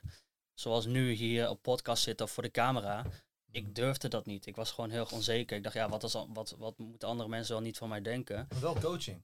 Dat deed je wel. Ja, coaching, omdat dat één op één is. Ah, okay. um, ja, dus ik had vooral moeite met echt voor groepen staan of uh, hoe zeg je dat, het podium nemen noem je dat. Ja. Daar had ik heel veel moeite mee, omdat ik liever toch nog een beetje in de schaduw, maar toch weer niet helemaal in de schaduw. Mm -hmm. Ja, dus, daar, dus dat was voor mij heel moeilijk. En ja, nu is dat bij mij totaal weg, omdat ik ook en die struggles heb gehad. Uh, en nu eigenlijk ook het podium durf te nemen, omdat ik ja, gewoon nu ook de resultaten behaal die, ja, waar, waarvan ik ook gewoon echt trots op ben, zeg maar. Ja. Ja, dik man. Keihard man. Ik vind het echt tof dat je dat deelt. Ik denk, uh, dat is ook wat wij met de podcast proberen te bereiken. Is juist dat soort dingen inderdaad ook meer delen. Ik heb dat zelf ook gehad. Dat ik had op een gegeven moment een brand en dat ging heel goed. En toen ging het ineens vet kut. Net toen ik klaar was met studie. Dus ik had geen enkele zekerheid meer. Ik moest mijn huur betalen. Ja. Toen moest ik op een gegeven moment ook op de podcast toegeven. Van, ja, ik ga gewoon een vaste baan nemen. Terwijl ik eigenlijk altijd zoiets had van ja, ik wil echt nooit een vaste baan hebben. En uh, ik kan me wel voorstellen, kijk, ik had niet 100.000 euro schuld. Ik uh, kan me voorstellen dat het nog wat zwaarder weegt. Maar uh, het is heel moeilijk om dat toe te geven of zo in de wereld. Een soort van, je wil het misschien eigenlijk aan jezelf al soort van niet toegeven. Dus je hebt zelf al zoiets van, ja, het is fucked up dat dit is. Laat staan dat ik het aan anderen ga vertellen van, ja, dus ik ga eigenlijk wel slecht. Ja. ja, kijk, echt aan mijn goede vrienden heb ik het natuurlijk wel verteld. En ja. heb ik ook heel veel steun aan gehad. dat is de 100%. Dus ja, tweede tip, zorg ervoor dat je goede vrienden hebt. Um, dus netwerk daar... ook weer. De vrienden die in je netwerk zaten, of ook gewoon oude vrienden? Uh, ja, eigenlijk mijn oude vrienden, die heb ik eigenlijk allemaal niet meer. Ja, eentje, Kerm. Uh, maar voor de rest is eigenlijk... Uh, en Jeffrey ja. natuurlijk, hè, niet te vergeten. Ja, nee, maar ik... ik, ik Jeffrey ik, denkt ook, hè? Ja. huh? Oké, okay, jullie laten mijn verhaal niet afmaken. Sorry. Nee, en dan zeg maar vooral Jeffrey en dan zeg maar het e-commerce gedeelte. Ik had het dan even over niet e-commerce gedeelte. Ja, ja, ja. maar ja, daar heb ik gewoon ja, daar heb, daar heb je gewoon zoveel aan. Op het moment dat ik dat niet zou hebben, dan had het er misschien heel anders voor gestaan. Inderdaad. Ja. Heb je in dat geval, heb je dan wat aan bijvoorbeeld je ouders? Ik weet dat als ik tegen mijn ouders zou zeggen dat ik een ton schuld heb, dat ze daar. Ze zouden denk ik niet op een nuttige manier met die informatie omgaan. Als in, oké, okay, we gaan oplossingen bedenken, laten we rustig blijven. Oh nee, maar ik heb het ook niet verteld. Nee, precies. Nee, nee. Ja, ik, ik heb... het nu wel? Ja, ik heb, eh, nu, weet, nu weet ze het wel, maar omdat ik er dan uit ben, dan kan ik het vertellen. zeg maar. Ja, Ehm, maar destijds niet, want ik dacht, ja, als ik het nu ga vertellen, eh, dan zadel ik hun daar ook nog weer mee Ja. op. En dan komen zij weer bij mij dat ze zij, zich zorgen maken om mij. Ja. En dan wordt het voor mij nog erger. Eh, dus toen heb ik bewust de keuze gemaakt, ik, ik zou het wel kunnen, want ik kan echt alles met mijn ouders delen, dat wel. Ehm, maar ik dacht, fuck it, ik ga gewoon mijn eigen shit fixen. Ik zorg gewoon dat ik, dat ik er zelf uitkom. Ik weet niet hoe, maar ik ga, er, ik, ik ga het gewoon flikken en ik zorg gewoon dat ik het zelf doe. En ehm, die verantwoordelijkheid heb ik, eh, heb ik genomen. En eh, ik denk dat je daar ook heel krachtig van wordt uiteindelijk als, als, zoiets, Zeker. eh, als, zoiets, als zoiets lukt. Ja, sowieso man. Sterk. Ja, sterk though. Leuk Nice. man. En Jeffrey? Ja, daar ben ik ook wel benieuwd naar. Wat, wat wil je van mij weten? ik wil weten of je ook of je iets hebt gehad, een moment waarin je dacht van oké, fuck. Ik, dit, dit gaat helemaal fout, zeg maar. Ehm, laatste punt. Nou, business-wise eh, eh, niet zozeer, maar persoonlijk wel. Ik denk als je kijkt van, oké, hoe- hoe, je, hoe je opgroeit, de dingen die je meemaakt als, als puber, als tiener, als baby, dat bepaalt uiteindelijk wel een beetje hoe jij wordt als persoon rond je achttiende. En natuurlijk dan ben je volwassen, dan kun je bepaalde richtingen opgaan om dat weer aan te passen. Eh, en ik denk als ik naar mezelf kijk, kijk, nu ben ik ondernemer, ik, ik ben sociaal, ik, ga, ik heb veel vrienden. Als ik kijk hoe dat in mijn jeugd was, was dat helemaal niet zo. Ik was echt een kuttiener. Ik deed echt eh, vervelende dingen. Altijd eh, ruzie met mijn ouders. eh, die vertrouwden mij niet meer. Ik was eigenlijk geen familie meer voor hun. Zo zagen ze mij niet. Als ik kijk, hoe gebeurde dat, is omdat ik vroeger heb ik twee of drie jaar lang heb ik in een rolstoel gezeten. Ik, eh, ik weet het nog als de dag van gisteren. Ik zat bij een buurjongen op de trampoline te springen. En mijn moeder die komt aan, die komt de tuin in en die zegt: Jeffrey, je moet even meekomen. Nou, een belletje gehad. Uurtje later kwam ik terug van het ziekenhuis en zat ik in een rolstoel, krukken. En ik mocht letterlijk niks meer. Ik mocht niet lopen, ik mocht niet eh, met mijn vriendjes buiten spelen. Ik mocht helemaal niks. En dat twee à drie jaar lang. Dus dat doet wat met jou als persoon. Wat ik net zeg, wat jij in jouw jeugd meemaakt, ik denk dat het heel erg bepaalt hoe jij wordt als persoon, hoe jij in het leven staat. Dus als zoiets met jou gebeurt, ja, dan bepaalt dat wel heel erg hoe, jij, hoe, hoe jouw gedachten zijn. Dus ik was heel erg boos op de wereld. Ik was heel erg boos op mezelf. Van oké, waarom anderen wel, waarom ik niet? Weet je, in, in de pauze op school, kinderen spelen lekker buiten. En ze bouwen sociale connecties op. Kinderen gaan lekker naar, naar de voetbal toe eh, op zaterdag met hun vader, bouwen een band op en maken daar vrienden. Weet je, ik had al die dingen niet, want ik mocht dat niet, ik kon dat niet. Dus daar ben je heel erg boos. Op een gegeven moment ehm, ja, werd ik daardoor in mijn jeugd echt een rotpersoon. Ik kreeg verkeerde vrienden, jongens die ook niet bij de voetbalclub zaten, die ook een beetje op straat hangen. Nou, dan weet je wel wat voor type jongens dat zijn. Daar kom je dan in terecht. Nou, op een gegeven moment wist ik gewoon van nee, ik zit gewoon totaal verkeerd in mijn leven. Wat ga ik nu met mijn leven doen? En Mijn ouders wouden mij letterlijk uit huis plaatsen. Want die vertrouwden mij gewoon niet meer. En helemaal gelijk. 100, ik, kreeg een, een helemaal gelijk daarin. Ehm, dus op een gegeven moment eh, heb ik dat uiteindelijk weten om te draaien. Doordat ik iets heb gevonden in mijn leven. Wat ik echt leuk vond om te doen. Dat was eh, mijn studie websites bouwen. Toen had ik voor het eerst iets in mijn leven dat ik dacht van nee, nu heb ik iets gevonden wat ik echt leuk vind. Waar ik passie voor heb. Ehm, nou, uiteindelijk ben ik vanuit dat punt ben ik daar dus wel uitgekomen. Ehm, en heb ik gewoon mijn business weten neer te zetten. Ja. Ehm, maar ik denk ook voor heel veel jongens, meiden die dit kijken, die ook dingen meemaken in hun jeugd. Weet gewoon van nee, dat is niet per se het eindpunt. Je kunt jezelf weer herprogrammeren. En je kunt dingen in je leven toepassen om het altijd weer beter te maken. Ondanks dat jij bent geconditioneerd door bepaalde situaties in jouw jeugd, in het verleden. Dat is gewoon mogelijk. En waarom Hoe? zat je in de rolstoel? Ehm, ik had een eh, heupziekte. Ehm, je, je hebt een heup, heb je een balletje heb je, en je hebt een kom. En dat balletje dat brokkelde stukje voor stukje af, totdat de hele heup weg was. Eh, en uiteindelijk is dat balletje weer uit het niets gegroeid, maar dat is nooit weer een mooie heup geworden. Als je twintig jaar geleden die ziekte had, eh, dan moest je drie jaar lang plat op bed. Want je mocht letterlijk niks. Ehm, Ze weten ook niet hoe het komt. Ehm, ze weten niet hoe je, ervan, eh, hoe je ervan afkomt. Het is gewoon een proces, eh, dat ga je door. En dat is ook, je kunt niks doen. Je, je, je kunt niemand iets kwalijk nemen, want eh, niemand heeft er schuld aan. Je kunt er zelf niks aan doen. Je kunt er niks aan doen om het beter te maken. Eh, kijk, als je een gebroken been hebt, dan, dan weet je in welk proces je zit. Ja. Ehm, dus ja, Wel Heftig. man. Heftig, man. Dus eigenlijk hebben jullie, dat is wel interessant om te zien, dat jullie inderdaad ook allebei echt wel eh, op een hele andere manier best wel flinke tegenslagen hebben meegemaakt ook. Ehm, en ook wat je zegt, ook de uitwerking die dat uiteindelijk heeft, Ja. op hoe je daarmee om leert gaan. En dan een stukje breinplasticiteit, van hoe erg je eigenlijk jouw standaard gedachten, waarvan je denkt, je hoort dat heel vaak toch van, eh, ja, ik kan niet vroeg opstaan, zo ben ik niet. Of ja, ik, ik ben gewoon vaak zagrijnig, dat is hoe ik ben. Ja, Heel veel mensen hebben van die standaard dingen. Ik heb dat ook hele lange tijd gezegd, ja, zo ben ik gewoon. ja. Maar dat is echt, denk ik, misschien wel de giftigste gedachte die een mens kan hebben. Want je vergiftigt jezelf met je eigen gedachten. En het ding is, dat, daar weet jij meer over, want hij weet heel veel van het brein vanuit zijn studie. Het brein is, hoe jonger je bent, hoe e- elastischer het is. Dus je Ja, kunt nog heel de- makkelijk de- dingen leren. ja, de eerste zeven jaar volgens mij. Ja, de eerste zeven jaar van je leven. ehm, ja, dan, is- dan is je brein nog zo opgesteld dat jij, eh, ja, dan vindt jouw programmering plaats. Ehm, dus alles wat je meekrijgt in je jeugd tot, tot ongeveer je zevende jaar, dat is hoe jij uiteindelijk later ook wordt, tenzij je eigen programmering gaat aanpassen. Ehm, dus o- daarom zie je ook vaak dat arme mensen arm blijven en rijke mensen rijk, omdat het de, ja, de environment, de omgeving waar je in opgroeit, eh, jou zo vormt. Dus op het moment dat jij eh, in bijvoorbeeld in een arm gezin opgroeit en er wordt negatief gepraat over geld of er is niet genoeg. Eh, eh, elk, hoe zeg je dat? Dat het geld, eh, zeg maar. Tekort. gewoon. Ja, gewoon, gewoon geldtekort. Dat ze nergens ja, geld voor hebben en dat eh, alleen, alleen rijken geld is voor de rijken, dat soort dingen. Als jij die programmering van, eh, vanuit je jeugd al hebt, eh, dan ga je dat ook eh, blijven geloven. Dat ga je dat ook blijven toepassen. Ja. Eh, terwijl als jij bijvoorbeeld in een rijk gezin opgroeit en eh, je krijgt al direct de lessen mee van hey, er is geld genoeg, eh, je kunt alles bereiken zolang je er maar zelf 100% voor gaat, dat soort dingen, het zijn kleine dingen. Ehm, maar dat zorgt er wel voor hoe jij later ook eh, gaat, hoe je later ook bent. Ja. Zeker. Hoe oud was je toen, toen je in de rolstoel kwam? Was je 12, 13 toen? Eh, tien. 10 inderdaad. Ja, ja. En drie jaar lang in de rolstoel gezeten. Het is ook wel echt een belangrijke leeftijd, dat je gaat naar de middelbare school Ja. en zo. Wat is, wat is, die tijd was inderdaad een beetje negatief dan voor je. Maar als je dan over de tijd heen kijkt, wat is dan de beste kwaliteit die je eruit hebt gehaald? Eh, altijd verantwoordelijkheid nemen voor je eigen eh, leven, voor je eigen situaties. Kijk, eh, destijds, de soms gebeuren er gewoon dingen in je leven waar je niks aan kunt doen. Je hebt niet, niet, het is niemand zijn schuld, het is niet je eigen schuld.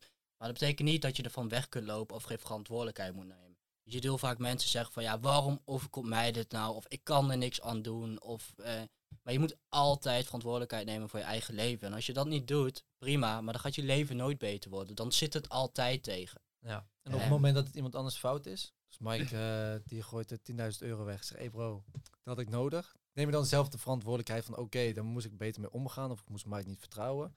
Niet dat dat zo is, maar in dit geval Nou ja, ik Nou denk, ja. nee, kijk, het is, het is heel makkelijk om andere, om andere mensen dan van andere dingen de schuld te geven voor je eigen situatie. En, Ja. dat, en dat is wat, wat mensen heel vaak ook doen, is eh, ja, het is niet mijn schuld of eh, eh, dat bepaalde dingen jou hebben gevormd, maar dat het aan andere mensen ligt. Ja. Terwijl wat Jeffrey ook zegt, je bent eigenlijk altijd verantwoordelijk voor je eigen situatie. Eh, dus ook de schulden die ik had, ja, ik kan iedereen de schuld geven. Ik kan eh Forex-markt kan ik de schuld geven. Ik, eh, ik kan Google de schuld geven. Ja, dat deed ik destijds ook wel. Ja, ja. Ehm, maar uiteindelijk, ja, wie is schuldig? J- jijzelf. Want je, je, Mhm. kunt wel iedereen, je kunt wel iedereen de schuld geven voor je eigen situatie, maar dat lost niks op. Je bent altijd verantwoordelijk voor je eigen situatie. En of je nou leuk vindt of niet, ehm, ja, je zou het zelf moeten oplossen, bepaalde dingen. Mhm. En eh, daar leer je dus heel erg van. Dus wij hebben allebei bijvoorbeeld een eigen verhaal, echt een dieptepunt gehad. Ehm, maar wel allebei verantwoordelijkheid genomen voor onze eigen situatie. En ik denk op het moment dat je dat kan, eh, dat als het ook goed gaat, zoals bijvoorbeeld nu, dat eigenlijk alles gewoon, ja, alles loopt gewoon goed in mijn leven op dit moment. Ik kan niet echt wat slechts eh, verzinnen, dus dat is leuk.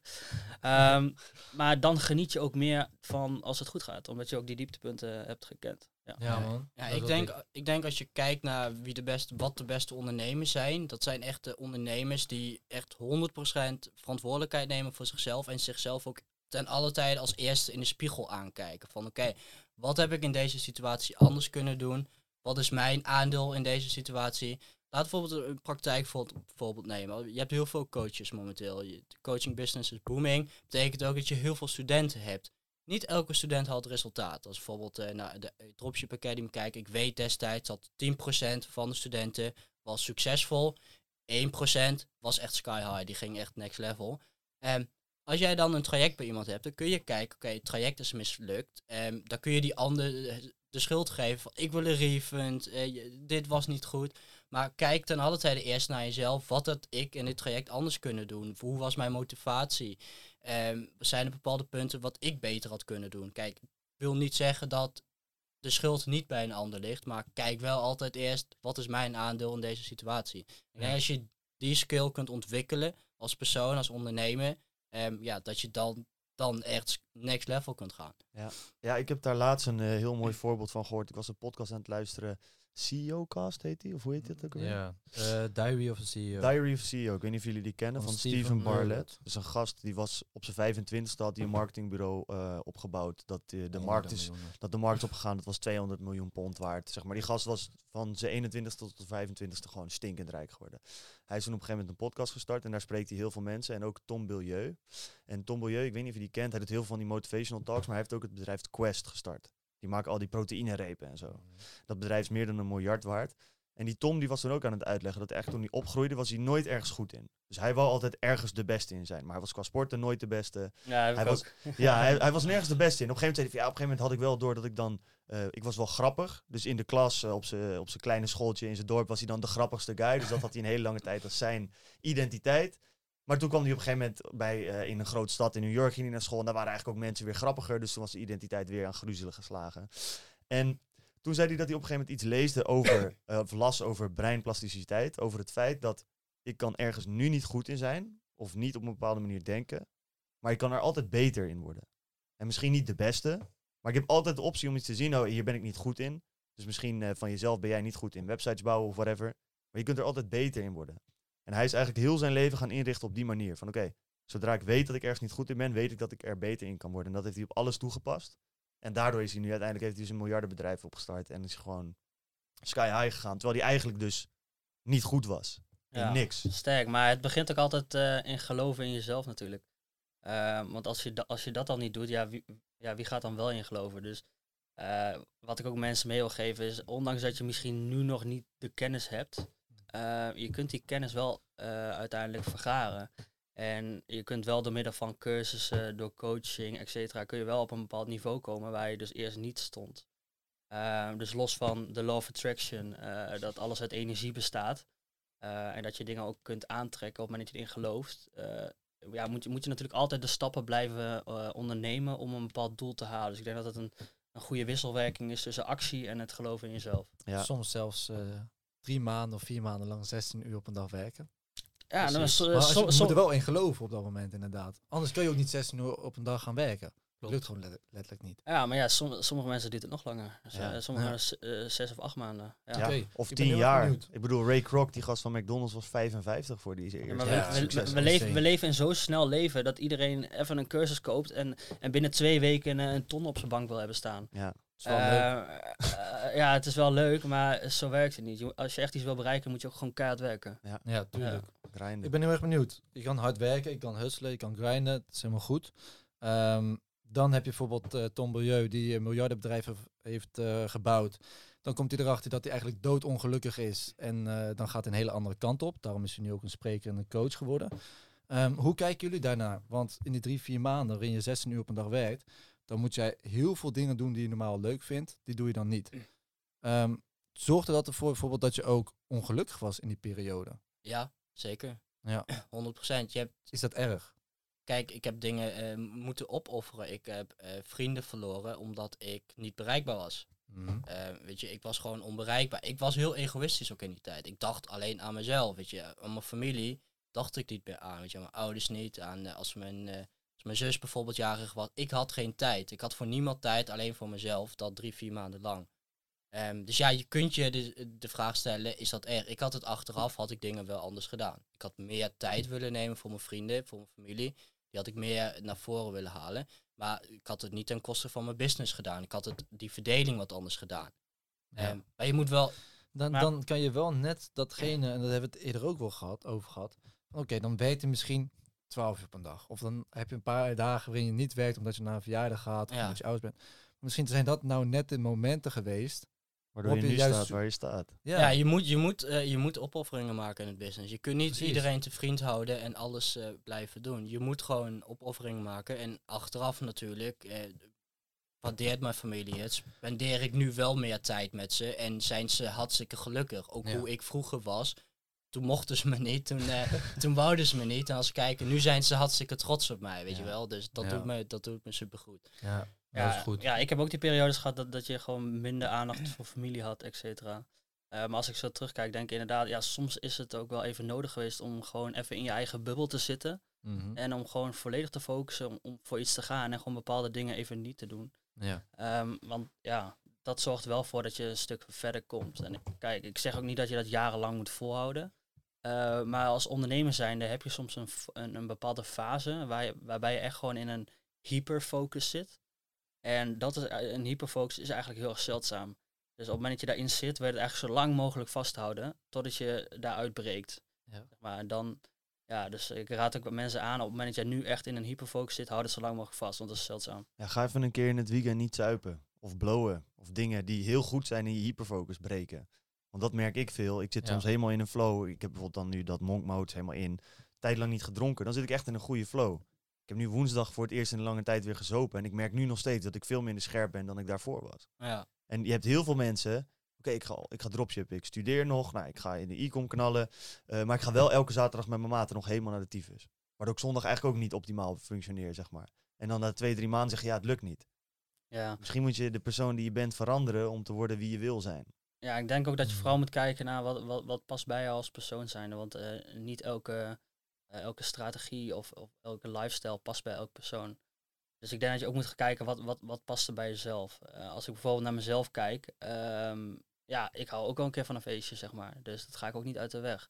En ik hou ook heel erg van reizen. Dus ik heb vaak mijn periodes van focus, bijvoorbeeld in Nederland. En dan gaan we even naar het buitenland om even uit te zoomen op je business en ook wat meer te genieten. En dat werkt, dat werkt voor mij goed. En het is ook niet per se dat, dat het ene goed is of het andere slecht is. Het is je moet gewoon kijken van hey, wat, wat, welke, strategie, eh, welke strategie past bij mij. Ja. Ja. Ja. Ja, en daarin moet je jezelf gewoon niet bullshitten. Dat is denk ik belangrijk. want wat je, wat je, wat, ik zie ook heel veel ondernemers die alleen maar aan het grinden zijn en helemaal eh, eh, niks anders aan het doen zijn. Mhm. Ehm, terwijl ik ook zoiets heb van ja, eh, je bent aan het grinden, maar waarvoor doe je het eigenlijk? Je doet het ook voor de leuke momenten. Eh, dus op het moment dat je een bucketlist hebt van dingen wat je graag wil doen, ja, ga die niet uitstellen tot je 40, 50, 60 bent. Eh, nu ben je jong, ga die dingen nu afvinken. Dus ga en hard werken en ga kijken, kan ik gewoon dingen van mijn bucketlist afvinken, zodat ik ook nu in dit moment al die leuke dingen kan ervaren. Ja, Ja. maar als je dan bijvoorbeeld gaat grinden, heb je, dat ga je doen. Je gaat bijvoorbeeld met dropshippen beginnen. Met de reden dat je niet blij bent met het leven wat je op dit moment hebt. Ja, dan moet je gewoon echt, eh, dan moet je gewoon grinden. Je Ja, moet gewoon grinden. ja totdat je een bepaald niveau hebt. Totdat je een bepaald niveau Ja, hebt, inderdaad. zeker. En Ja. je moet eigenlijk niet stoppen voordat je dat niveau hebt, dat is één. Maar wat mensen dus vaak tegenwoordig hebben, is dat eh, het leven van iedereen zo perfect is, of perfect lijkt. Hè, wat we net ook zeiden, van op het moment dat je het leven Ja. kut is, laat je dat niet vaak zien. Ja. Ja. Maar mensen die dus zo aan het grinden zijn, die zijn lekker aan het grinden, heb ik ook wel eens gehad. En dan kijk je een beetje om je heen en denk je van, godverdomme, ik ben eigenlijk niet blij met mijn leven. Maar iedereen is aan het chillen. Iedereen is aan het chillen. Ja, maar weet je wat tegenwoordig ook zo is? Is dat eh, iedereen overal maar opzet. Ik ben aan het grinden, omdat het tegenwoordig heel erg cool is Ja. als je aan het Ja. grinden bent. Eh, maar ik denk dat een gezonde balans daarin ook wel, eh, ook wel goed is. Kijk, maar je kunt wel heel hard grinden, maar ja, hoeveel uur ben je nou effectief bezig? Ik denk dat het vooral belangrijk is om te kijken naar hoeveel uur ben ik effectief bezig. Want vaak als je van 8 uur s ochtends tot 11 uur s avonds aan het werk bent, dan heb je niet een hyperfocus van 8 uur tot 11 uur. Nee. Eh, je hebt vaak maar iets van 4, 5 uur per dag dat je echt, eh, echt goed kan focussen. Hoe daarna, doe je dit? daarna verzwakt het vaak. Hoe ziet jouw dagelijkse routine eruit? Bijvoorbeeld, je staat op rond een bepaalde tijd en je gaat slapen. Hoe, eh, hoe ziet je dag dan eruit? Eh, meestal spot ik gewoon elke ochtend. Ik word wakker, ik ga spotten. Ik, dat, ja. Rond half negen of zo sta je op? Of half? Eh, meestal Vijf acht, uur. meestal eh, ja, voor de camera vijf uur en dan elk- en dan vier uur zelfs. Drie uur, je, je wordt niet succesvol als je niet om drie uur 's ochtends opstaat. Nee, ja, kijk, voor sommige mensen werkt dat. Ik, ik geloof wel dat het heel chill is, omdat iedereen dan nog slaapt, dat jij dan nog die focusuren kan pakken. Maar het hangt ook een beetje af van hoe laat ga je naar bed. Ja, dat is En, belangrijk. eh, ja, je kunt wel eh, heel mooi zeggen, ik ga om vier uur uit, vijf uur. Maar ja, als je pas om twaalf uur slaapt, ja, slaap is gewoon hartstikke belangrijk, ook voor je focus, voor je creativiteit. Eh, maar meestal om acht uur, dan sta ik om half negen in de sportschool. En daarna gaan we meestal aan het werk. Ja. En dan tot een uur of, ja, scheelt een beetje wat, wat er op ons lijstje staat. Ja. Maar meestal het begin van de dag focusuren. En daarna wat meer meetings. En dan eh, gewoon avondeten. En s'avonds ook nog vaak wat, ja, niet echt focusdingen, maar gewoon wat extra dingen. Dus eh, je hebt eh, sporten, dan kom je terug. Dan heb je een paar, noem je, noem je ook wel eens gewoon proactieve uren. Waarin je dus echt zegt van oké, ik ga bepaalde taken uitvoeren. En ik stop niet totdat die taken echt af zijn. En dan heb je zeg maar nog de middag. En dan heb je sowieso minder focus. En dan zeg je oké, ik ga wat meer reactief werken op berichtjes, mailtjes, meetings, et cetera. Ja, correct. Oké, ja, netjes man. Cool. Ja, voor iedereen is dat ook wel anders. Hè. Ik, ik ken ook mensen die, eh die s'nachts werken. Ja, ja, ja. Maar vaak merk je wel dat het of het is 's ochtends, waarin je echt eh, je focusuren hebt tot een uurtje of twaalf of twee en dan wordt het minder. En sommige mensen die zeggen van ja, vanaf een uurtje of acht, negen, dan krijg je juist mijn focusuren. Maar in de middag heb ik weinig mensen gehoord die zeggen van dan, dan heb ik echt mijn momenten van 100% focus. Nee, smiddags is echt lastig. Ja. Ja. Hey, maar als je net geluncht hebt, dan eh Ja. heeft echt geen zin. Dan ben ik helemaal licht echt af. Kan ik beter gaan sporten rond die tijd of zo. Dat is ook wel. Maar ik denk dat wat jullie ook al een paar keer zeiden, dat is ook wel echt belangrijk voor iedereen die dit kijkt om te beseffen. Heel veel mensen luisteren dan, oh, ze zeggen dit en dan gaan ze dat klakkeloos overnemen. Het belangrijkste is gewoon, probeer iets, probeer te ontdekken hoe je je daarbij voelt en ontdek zo langzaam gewoon echt wat voor jou goed werkt. Want dat is uiteindelijk het allerbelangrijkste. Wat voor Koen werkt, werkt voor mij niet. Hij kan om vijf uur opstaan, een lange periode. Ik kan dat niet. Ik word daar gewoon doodongelukkig van.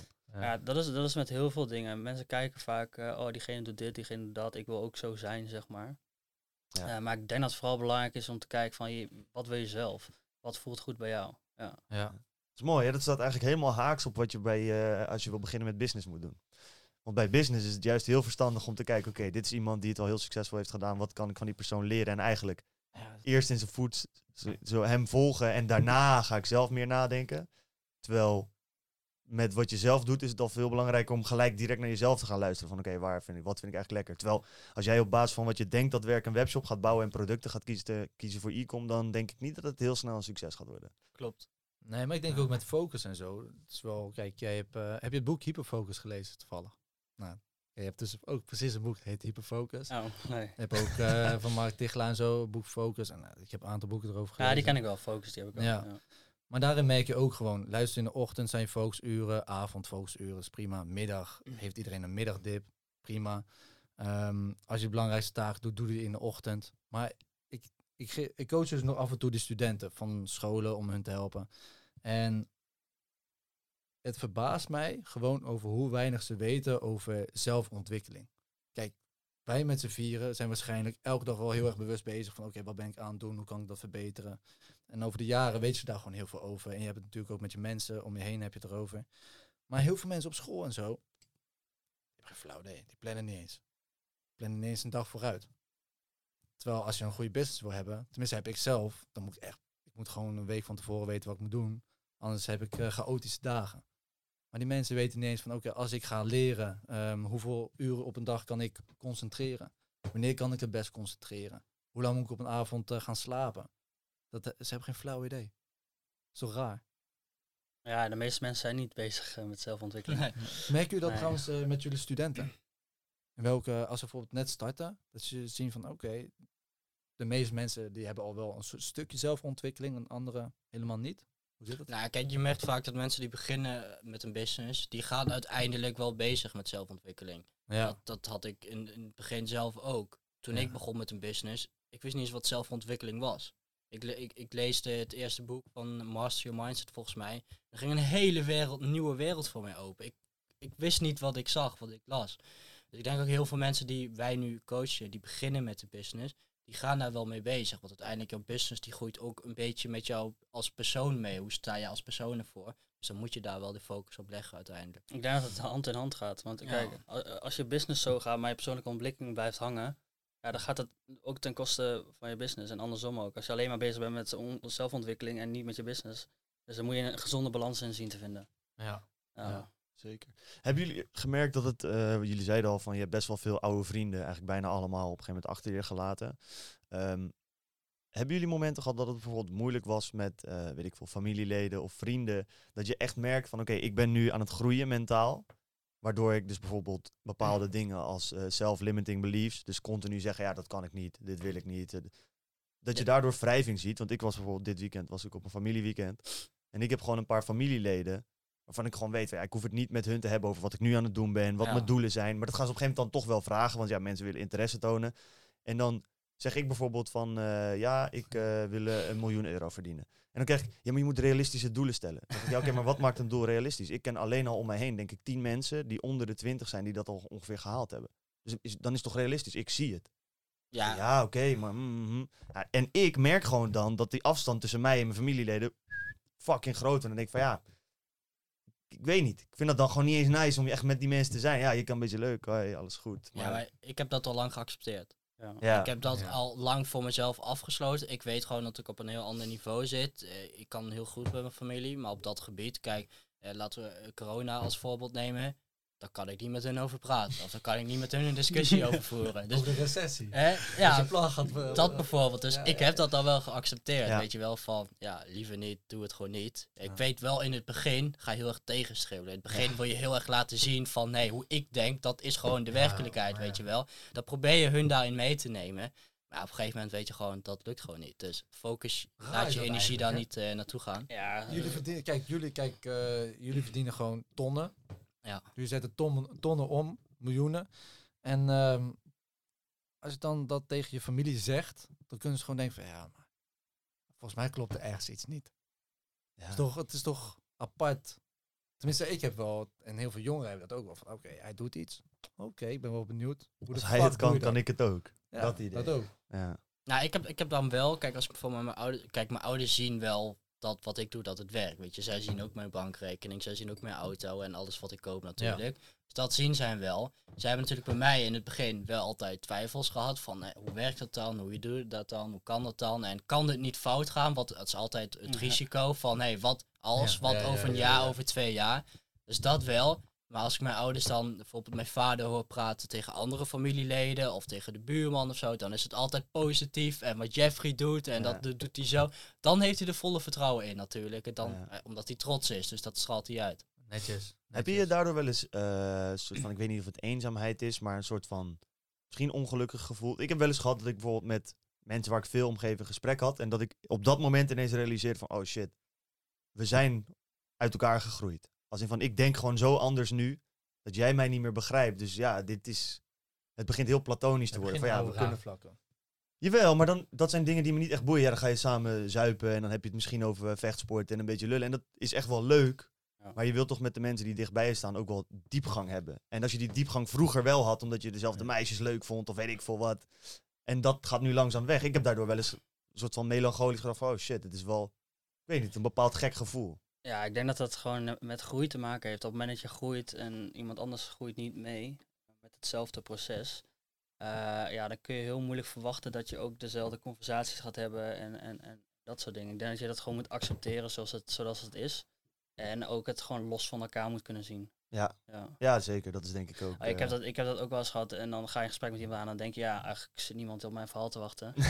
Eh, ja, vaak is het zo. Dan, dan, dan, dan, dan uit enthousiasme ga je je verhaal vertellen. En dan denken ze, ja, hij is alleen maar het opscheppen. Terwijl, eh, In de podcast terwijl is het leuk. terwijl, Zeg maar, dan heb je een verhaal erover en dan vertel je tegen hun en dan krijg je, oh, ja, terwijl, een dood einde. ja, je wil eigenlijk niet opscheppen, maar je wil gewoon heel blij zijn met, met wat je bereikt en, en, en met je verhaal. Ja. Eh, maar voor andere mensen kan dat zien als, als, als opscheppen. Ja. Terwijl als je als ondernemers zijnde met elkaar eh, over dat soort dingen praat, dan is het al motiverend en dan eh, iedereen blij voor je.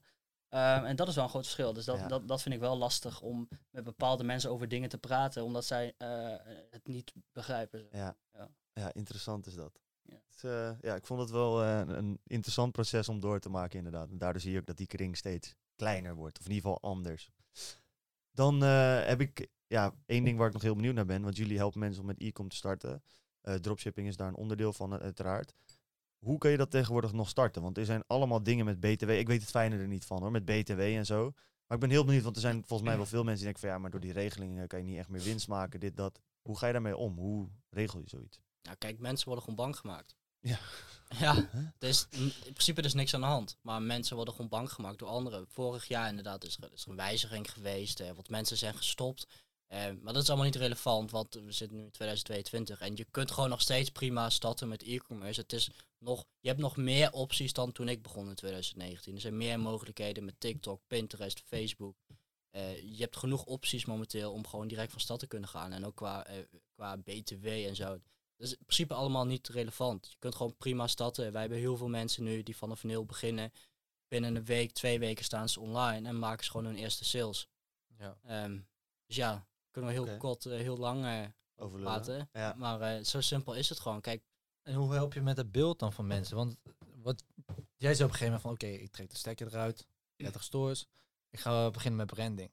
Dat is voor jou ook een reden geweest, omdat, eh omdat ge- ja, het dropship-wereldje een beetje een slecht beeld kreeg. Ja, maar dat was destijds. eh, was ja, destijds. Dat was Het des- is nu veranderd. zeg ja, maar. ja, 100%. Ja, want nu, eh, destijds was het zo dat mensen een jetski gingen adverteren voor 40 euro. eh, en dat mensen dat gingen kopen. ja, en dan boos waren als er niet geleverd werd.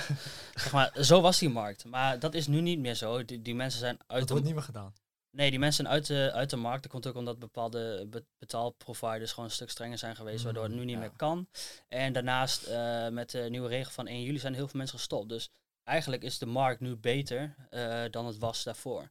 Eh, dus dat is voor ons, wat ons betreft, wel ideaal. Ja, als wij ook kijken naar, naar de oude garde, weet je wel. eh, de jongens waar wij mee zijn begonnen. En die beginnen allemaal weer. Vorig jaar, vorig jaar de markt was echt heel, heel kut. Eh, de BTW-wijziging, Facebook gooide iedereen eruit. Niemand had oplossing. Er waren alleen maar problemen. Klarna-problemen, Shopify-problemen, Molly-problemen. Wat we nu zien, dit jaar, is voor elk probleem is er nu gewoon een goede oplossing. Ja. Dus de markt is nu chiller dan ooit. En we zien gewoon dat iedereen die vorig jaar is gestopt, iedereen komt weer terug. ja. Ook jongens die in 2019 zijn begonnen, eh, die eh, allemaal met lange termijn bezig waren. Iedereen komt nu de markt weer in, omdat het gewoon, het is nog makkelijker, het is nog chiller. En er valt gewoon nog meer geld te verdienen. Cash harken. Ja, dat kwam, dat kwam ook heel erg naar voren, want eh, is het al een week, twee weken geleden Ja. zaten wij in Bali. En eh, toen hadden wij ook een mastermind georganiseerd voor eh, eh, twintig eh goede onder, topondernemers. En ehm, ja, daar kwam ook naar voren dat heel veel mensen weer gaan beginnen. Ja. Ook echt, echt topondernemers die al echt heel, heel goed bezig zijn, die toch weer zoiets hebben van, hey, ik, ik wil weer dropshippen, want die cashflow mis ik. Ja. Dus je ziet toch wel dat eigenlijk weer een switch plaatsvindt eh, van mensen die weer willen starten. Dat is, wel, dat is heel interessant. Ik ben Ja. persoonlijk dan ook wel heel benieuwd, want waar ik vaak tegenaan liep, was op een gegeven moment, ja, heel lang geleden, was ik ooit een keer heel bang door die eh, Ali versus de rest eh, dropship groep. Dat kennen jullie waarschijnlijk ook nog wel, die gasten die Ja, dan... ook, die zijn gestopt. Ja, die zijn gestopt, ja, zijn uit de lucht. Ja, die gingen altijd iedereen exposen en dan je naam en alles. Dat was echt abnormaal. Maar eh, wat ik zelf, ik heb op een gegeven moment in Amerika een tijdje gedropshipped. Maar toen, het product sloot niet helemaal 100% aan bij wat er uiteindelijk aankwam. Als in, het was volgens mij dunner of dikker. Ja. Ik had best wel veel omzet gedaan. Daarna kreeg ik echt fucking veel klantenservice. Eh, en ik had daar echt gewoon totaal geen zin in. Eh, en daardoor werd ik eigenlijk een beetje een soort van afgeschrokken. Of had ik zoiets van, ik vind het helemaal niet relaxed om te doen. Hoe ga je daarmee om om op dus grote schaal te kunnen draaien? Dat je toch zeg maar niet zoveel klantenservice krijgt. Wat jij ook zei, dat je één maand winst draait en dan de volgende maand alles in retourtjes weer kunt eh, terugbetalen, zeg maar. Ja, maar ik vind wat eh, dropshipping wordt er veel over één kam geschoren. Iedereen denkt dropshippen dat het allemaal hetzelfde is. Maar dropshippen, je weet wat het is. Het is gewoon de leverancier verstuurt het naar de klant. Jij hebt je eigen voorraad. Dat is het woord dropshipping. Ja. Maar als we kijken naar een dropshipping business, dan kun je dat op honderden manieren kun je dat inrichten. Eh, als we ook net praten over jongens die weer terugkomen naar dropshipping, is dat niet zozeer op de oude manier, hey, general store, 10 producten per dag testen, winstgevend, bitcap aan, schalen maar. Het is niet per se op die manier. staat er wel standaard in zijn kop Ja. Ja, ja, ja. ja. Dat is dagelijkse routine. Hè? Ja. Wakker werd twee seconden, laptop open en eh Hup, bitcap aan. Nee, maar wat ik net zei, die jongens die nu terugkomen, het is niet zozeer dat ze op de oude manier terugkomen. Maar ze kijken wel, oké, ik wil gaan dropshipping, omdat ik eh liquide wil blijven, et cetera. Maar hoe kan ik dat nu toepassen in mijn business? Dus je kunt branded dropshipping kun je gaan toepassen. Ehm, je hebt nu hele goede eh, partijen die een klantenservice echt perfect kunnen uitbesteden. En dus de markt is ook veel professioneler geworden. Twee jaar geleden, het waren allemaal cow- cowboys. En eh, je huurde een, een VA in uit Filipijnen voor 5 euro per uur die even jouw klantenservice deed. Ja, dat kan nu niet meer. Maar de markt is gewoon veel professioneler. Er zijn veel meer oplossingen. Dus je kunt nu, 2022, als je business, dropshipping business, gewoon goed inricht, dan is er gewoon niks aan de hand. En, dan- en dan kom je eigenlijk ook weer direct terug op, op je netwerk. Dus die, die jongens, die goede jongens die weer opnieuw gaan beginnen. Eh, het eerste wat zij doen is gaan iedereen in hun netwerk vragen: jongens, wat werkt er nu? Ja. Wat doen jullie? Wat is je strategie? Nou, dan alle informatie verzameld. Oké, dan gaan ze het, eh, het, ja, verzamelen en dan zelf uitvoeren en dan werkt het. Ja. Ehm, dus daarom is je netwerk ook zo belangrijk. En daarom, als zij nu weer beginnen, dan zijn ze ook direct weer succesvol. Ja, Omdat ze gewoon dat netwerk hebben en, en die kennis ook eh, kunnen vergaren. mooi man. Waar denken jullie dat uh, waar dropship uh, heen gaat? Of de e-com business? Nou, heel Of even concreet trouwens, voordat we daarheen gaan. Jullie zeggen er is een nieuwe manier van dropshippen. Ik denk dat jullie dat hele concept ook meer uitleggen in eh, de, de low ticket offer van 37 euro. Ja. Ik vind het zelf al heel interessant. Dus ik kan me heel goed voorstellen dat er mensen zijn die het kijken. Ga even naar de beschrijving, daar staat een linkje. Eh, check dat, dan kun je ook ontdekken hoe je dus... Misschien heb je het al gedaan, gedropshipped en ben je nu weer aan het beginnen. En denk je van ja, die general store van mij met eh 5000 producten wil niet helemaal meer lukken. Dan eh, denk ik dat dat een eh, goede plek is om te gaan kijken. En ook nog, het is niet alleen voor mensen die willen beginnen. hè. Het is ook voor gevorderde en mensen Ja, die al bezig 100%. zijn. Hè? Ja, ja. Oké. ja. Oké, steady. Ja, wou ik even in Ik dacht, het is perfecte pluk. Ik dacht, ik doe Ja, even kijk, kijk, to action. 100%. Kijk, wat wij nu aanbieden is inderdaad eh, voor mensen die eh, geen ervaring hebben of geen kennis hebben, die kunnen eh, ja, bij ons eh, heel goedkoop instappen. Ja. En ja, daarnaast helpen we ook echt gevorderde mensen. Die worden al- altijd gekoppeld aan een, eh, aan een coach van ons die we zelf ook hebben opgeleid. En eh, ja, wij coachen daar zelf ook in. Dus wij begeleiden die mensen zelf ook. En eh, daarnaast de branding. Dus op het moment dat iemand echt een product heeft waarvan hij denkt van hey, dit wil ik branden, dan kunnen ze ook bij ons terecht. Dus eigenlijk hebben we een, ja, een heel proces eigenlijk waarbij we mensen kunnen helpen. Oké, dik. Top. Dik. Oké, waar, gaan het, eh, waar gaat drop, eh, dropshippen naartoe? E-com, over vijf jaar. Want je zegt net, jullie zeggen net, hey, over de laatste twee jaar is er al best wel veel professionalisering geweest. Ik ben eigenlijk wel benieuwd. eh, Ik word er gewoon enthousiast van. Hey, over vijf jaar, dan ziet de markt er waarschijnlijk heel erg anders uit. Ja, kijk, het is altijd lastig voorspellen waar gaat eh, de markt naartoe. Voor jullie gevoel dan, hè? Kijk, als we eens, je, je kunt specifiek kijken naar, oké, wat werkt nou echt binnen dropshipping? Dat is toch echt eh, de content creators, user-generated content, het TikTok-gedeelte. Dat is nu gewoon wat booming is en wat aanslaat. Dus de markt professionaliseert daarin ook. Mensen willen meer vertrouwen zien, die willen herkenning zien. Eh, dat vinden ze gewoon belangrijk bij aankopen die ze momenteel doen. Eh, dus ik denk dat dat gedeelte zich nog verder, eh, verder doorontwikkelt. En dat het ook echt de kant op gaat, oké, je moet heel creatief zijn in je business en, en niet zozeer het, het spelletje volgen. Ja, Hmm, kijk. Cool. ja. Interessant. Ja, dan heb ik altijd nog een laatste vraag. Ik weet niet of jij nog vragen hebt. Eh, wat voor boek lees je op dit moment? Oh shit, gelijk met de zware vraag. Oh. Geen boek. Het antwoord mag ook gewoon zijn geen boek hoor. Nou, ik, Ja, ik, ja, ik, ik, ik, goed. ik heb vaak eh, periodes dat, dat ik heel veel lees. Eh, maar nu is eh, eigenlijk een periode dat we echt volop aan het focussen zijn. Dus dat ik eigenlijk nog eh, geen boek, Dat is ook geen een boek heb toch? geopend. Nee, vind, Ik ook, vind ik juist ook wel goed om te horen. Van, hey boys, je hoeft niet altijd eh, te doen aan zelfontwikkeling. Je hebt ook gewoon periodes waarin je gewoon moet rammen. Precies. Precies. Jij ook? Ja, het, boek? het is niet dat we geen Ja, ik lees zelfontwikkeling... wel een boek, maar ik weet de titel niet eens. eh. Ja, Het is al een tijdje gesloten, het boek. Ja, dus, eh, precies. het is niet dat we niet bezig zijn met zelfontwikkeling. Want we hebben natuurlijk zelf ook, eh, ook coaches. En, en, Ja. en eh, we worden zelf ook begeleid in, in heel veel dingen. Dat is waar. Eh, dus zelfontwikkeling blijft doorgaan. Ehm, maar de boeken heb ik eh, op dit moment niet open. Even uitgelezen. Oké, dan, dan, wat is een boek wat jullie wel heel veel heeft geholpen? ja, eerste boek blijft altijd het beste. Hè? Nou, Master Your Mindset. Ja. Maar dat is meer, het opent je ogen. Niet zozeer Ja. het beste boek. Nee. Had ik ook met Think and Grow Rich, inderdaad. Ja, Ja, die- die Grow Rich. Eh, ik vind Blue Ocean Strategy ook wel een heel goed ja, boek. ja. ja, Ja man, zeker Oh, voor nee. wat jij nu aan het doen bent man. Cashvertaling. Ja, zo kwam ik ook eh, deels op het idee ook. Eh, Ja. ja, voor de mensen die het boek niet kennen, Blue Ocean Strategy, ja, kort gezegd, je hebt een Red Ocean en een Blue Ocean. Een Red Ocean is eigenlijk waar iedereen concurreert op prijs. En ehm, ja, ze teachen dus de Blue Ocean, waarbij je eigenlijk jezelf vrij speelt van de concurrentie of jezelf anders positioneert, waarbij de eh, Red Ocean eigenlijk eh, niet meer relevant is. Ja, je concurreert eigenlijk niet meer. Ja. Dat je gewoon zegt van ja, en een goed voorbeeld daarvan is kort is Cirque du Soleil. Je had altijd standaard circussen. Een circus, daar kwamen wat dieren, er kwam een clown en dat kostte 20 euro en daar kon je heen. Dat was hoe het was. Elk circus was ongeveer zo en dus er was fucking veel con- concurrentie. En het was eigenlijk vooral ja, wie is er goedkoper of zit er bij mij in de buurt. Toen is Cirque du Soleil gekomen. Cirque du Soleil heeft het helemaal op zijn kop gegooid.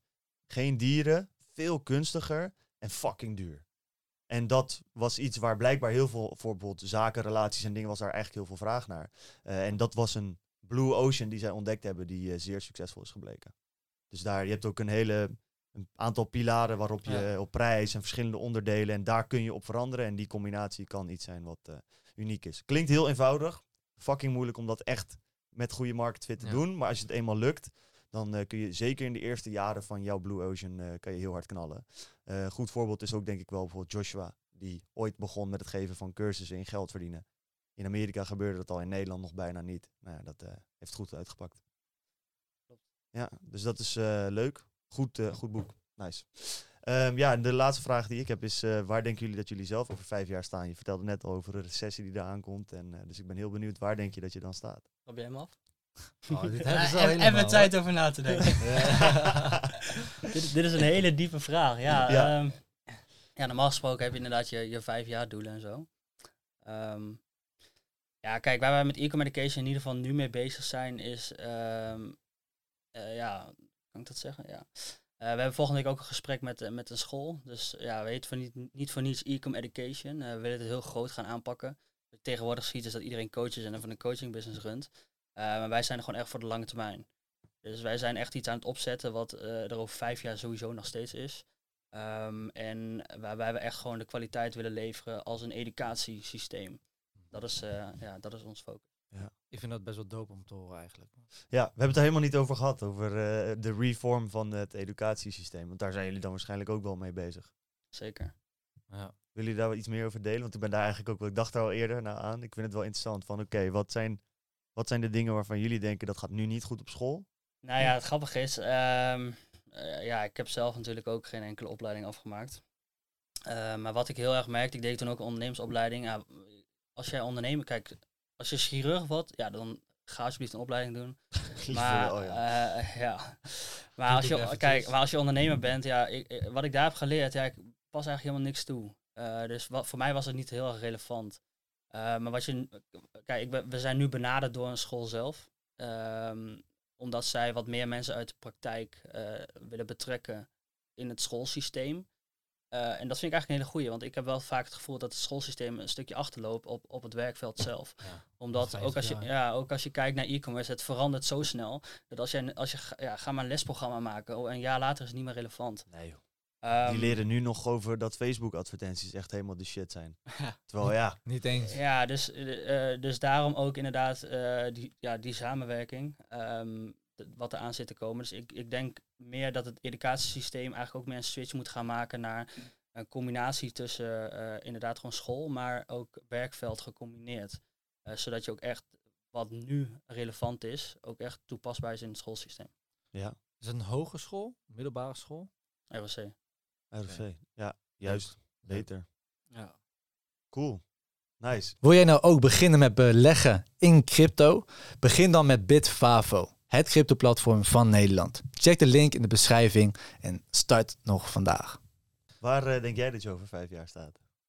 Ehm, nou, voor mij is één ding heel belangrijk, dat is vrijheid. Eh, de afgelopen twee jaar, ik, eh, volgens mij eh, twee maanden ben ik in Nederland geweest, eh, de rest van de twee jaar ben ik in het buitenland geweest. Dus vrijheid is voor mij gewoon nog super belangrijk. Jij was de enige met vrijheid tijdens COVID, eh, denk ik. ik, heb, ik heb gelukkig geen lockdown meegemaakt, ik was altijd eh, in het buitenland. Ja, dus over vijf jaar, dat is altijd mijn doelstelling om mijn vrijheid te behalen. En business-wise gezien gaan we natuurlijk e-communication zijn we mee bezig. Ik heb mijn eigen brands die ik verder aan het opschalen ben. Een stukje vastgoed, et cetera, wat ik over vijf jaar wil hebben. Eh, maar het belangrijkste voor mij is over vijf jaar dat ik mijn vrijheid heb, dat ik gelukkig ben, dat de mensen om me heen, mijn familie, dat ik die wat extra's kan meegeven, dat die gelukkig zijn. Ehm, en dat ik gewoon mijn eigen leven kan leiden en mijn eigen keuzes eh, blijf bepalen. cool. Hebben jullie een bepaald bedrag dat je waard zou willen zijn eh, ooit? Dat je zegt van zoveel vermogen, dat zou een soort van de top van de ijsberg zijn.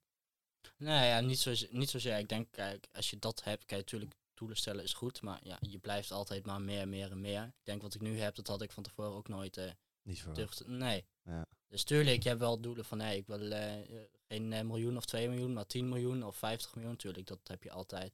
Ja. Ja, wat is genoeg. Miljardair? Hè? Miljardair? Dat zou eh, leuk meegenomen zijn. Ja, uiteindelijk is het altijd dus een, een trapje hoger. En ik denk Ja. dat dat juist ook wel belangrijk is. Want op Zes het moment- leuke. op het Ja, moment dat je- zeker. op het moment dat je niet dat trapje hoger hebt, ja, dan streef je ook niet echt ergens naar. Nee, toch? Nee, je moet Ik- toch het spelletje een beetje uit gaan spelen. Ja. Kijk, Ja. jullie zijn nu... eh, hoe oud zijn jullie? Zes, ik ben 26. 24. Ja. 26, 24. Bedoel je, je hebt nog eh, 60 jaar. Ja. Ik weet niet hoor, maar eh, als je nu al tegen miljoenen aan zit, dan We hebben, eh, we hebben, we hebben de miljardair tijd. is niet zo heel ver verwijderd. We hebben de tijd. Ja. Daarom, daarom. Ja, ik vind het wel mooi ook als je dat aan andere mensen zegt van, eh, weet ik veel, iemand die eh, 5 miljoen waard is, zegt ze, ja, dat is toch meer dan genoeg geld. Dan leg ik Oh, ook altijd niks. uit aan mensen van, dat je maar ondernemen gaat op een gegeven moment helemaal niet meer om het geld. Je gaat toch ook niet voetballen en dan niet scoren? Het is gewoon een spelletje. fucking saai. Ja, je moet gewoon Ja. verder gaan uitspelen, bro. Juist. Fuck Eredivisie. Wat dan? Champions League. Champions League. Champions League, bro. Lijkt me een goeie. Mannen, heel erg bedankt voor jullie tijd. Eh, Dankjewel. en Jullie bedankt. ja. hadden jullie nog vragen aan ons? Dat kan ook altijd nog. Nee, Nog langer maken. nee, oké, nee, geen vragen meer voor ons. Nee, Top, toffe duidelijk. podcast. Thanks. Leuke Ja. sessie. Bedankt Ja. dat we aanwezig konden zijn. Zeker, altijd, eh, altijd welkom. Eh, voor iedereen, check de beschrijving eh, voor eh, het eh, handige linkje om meer te ontdekken over de, de nieuwe manier van dropshipping. Eh, verder zeggen we dan altijd nog één ding. En dat, Dat is fuck goeroes. Wij zijn lotgenoten. Dankjewel voor het kijken. En En ciao.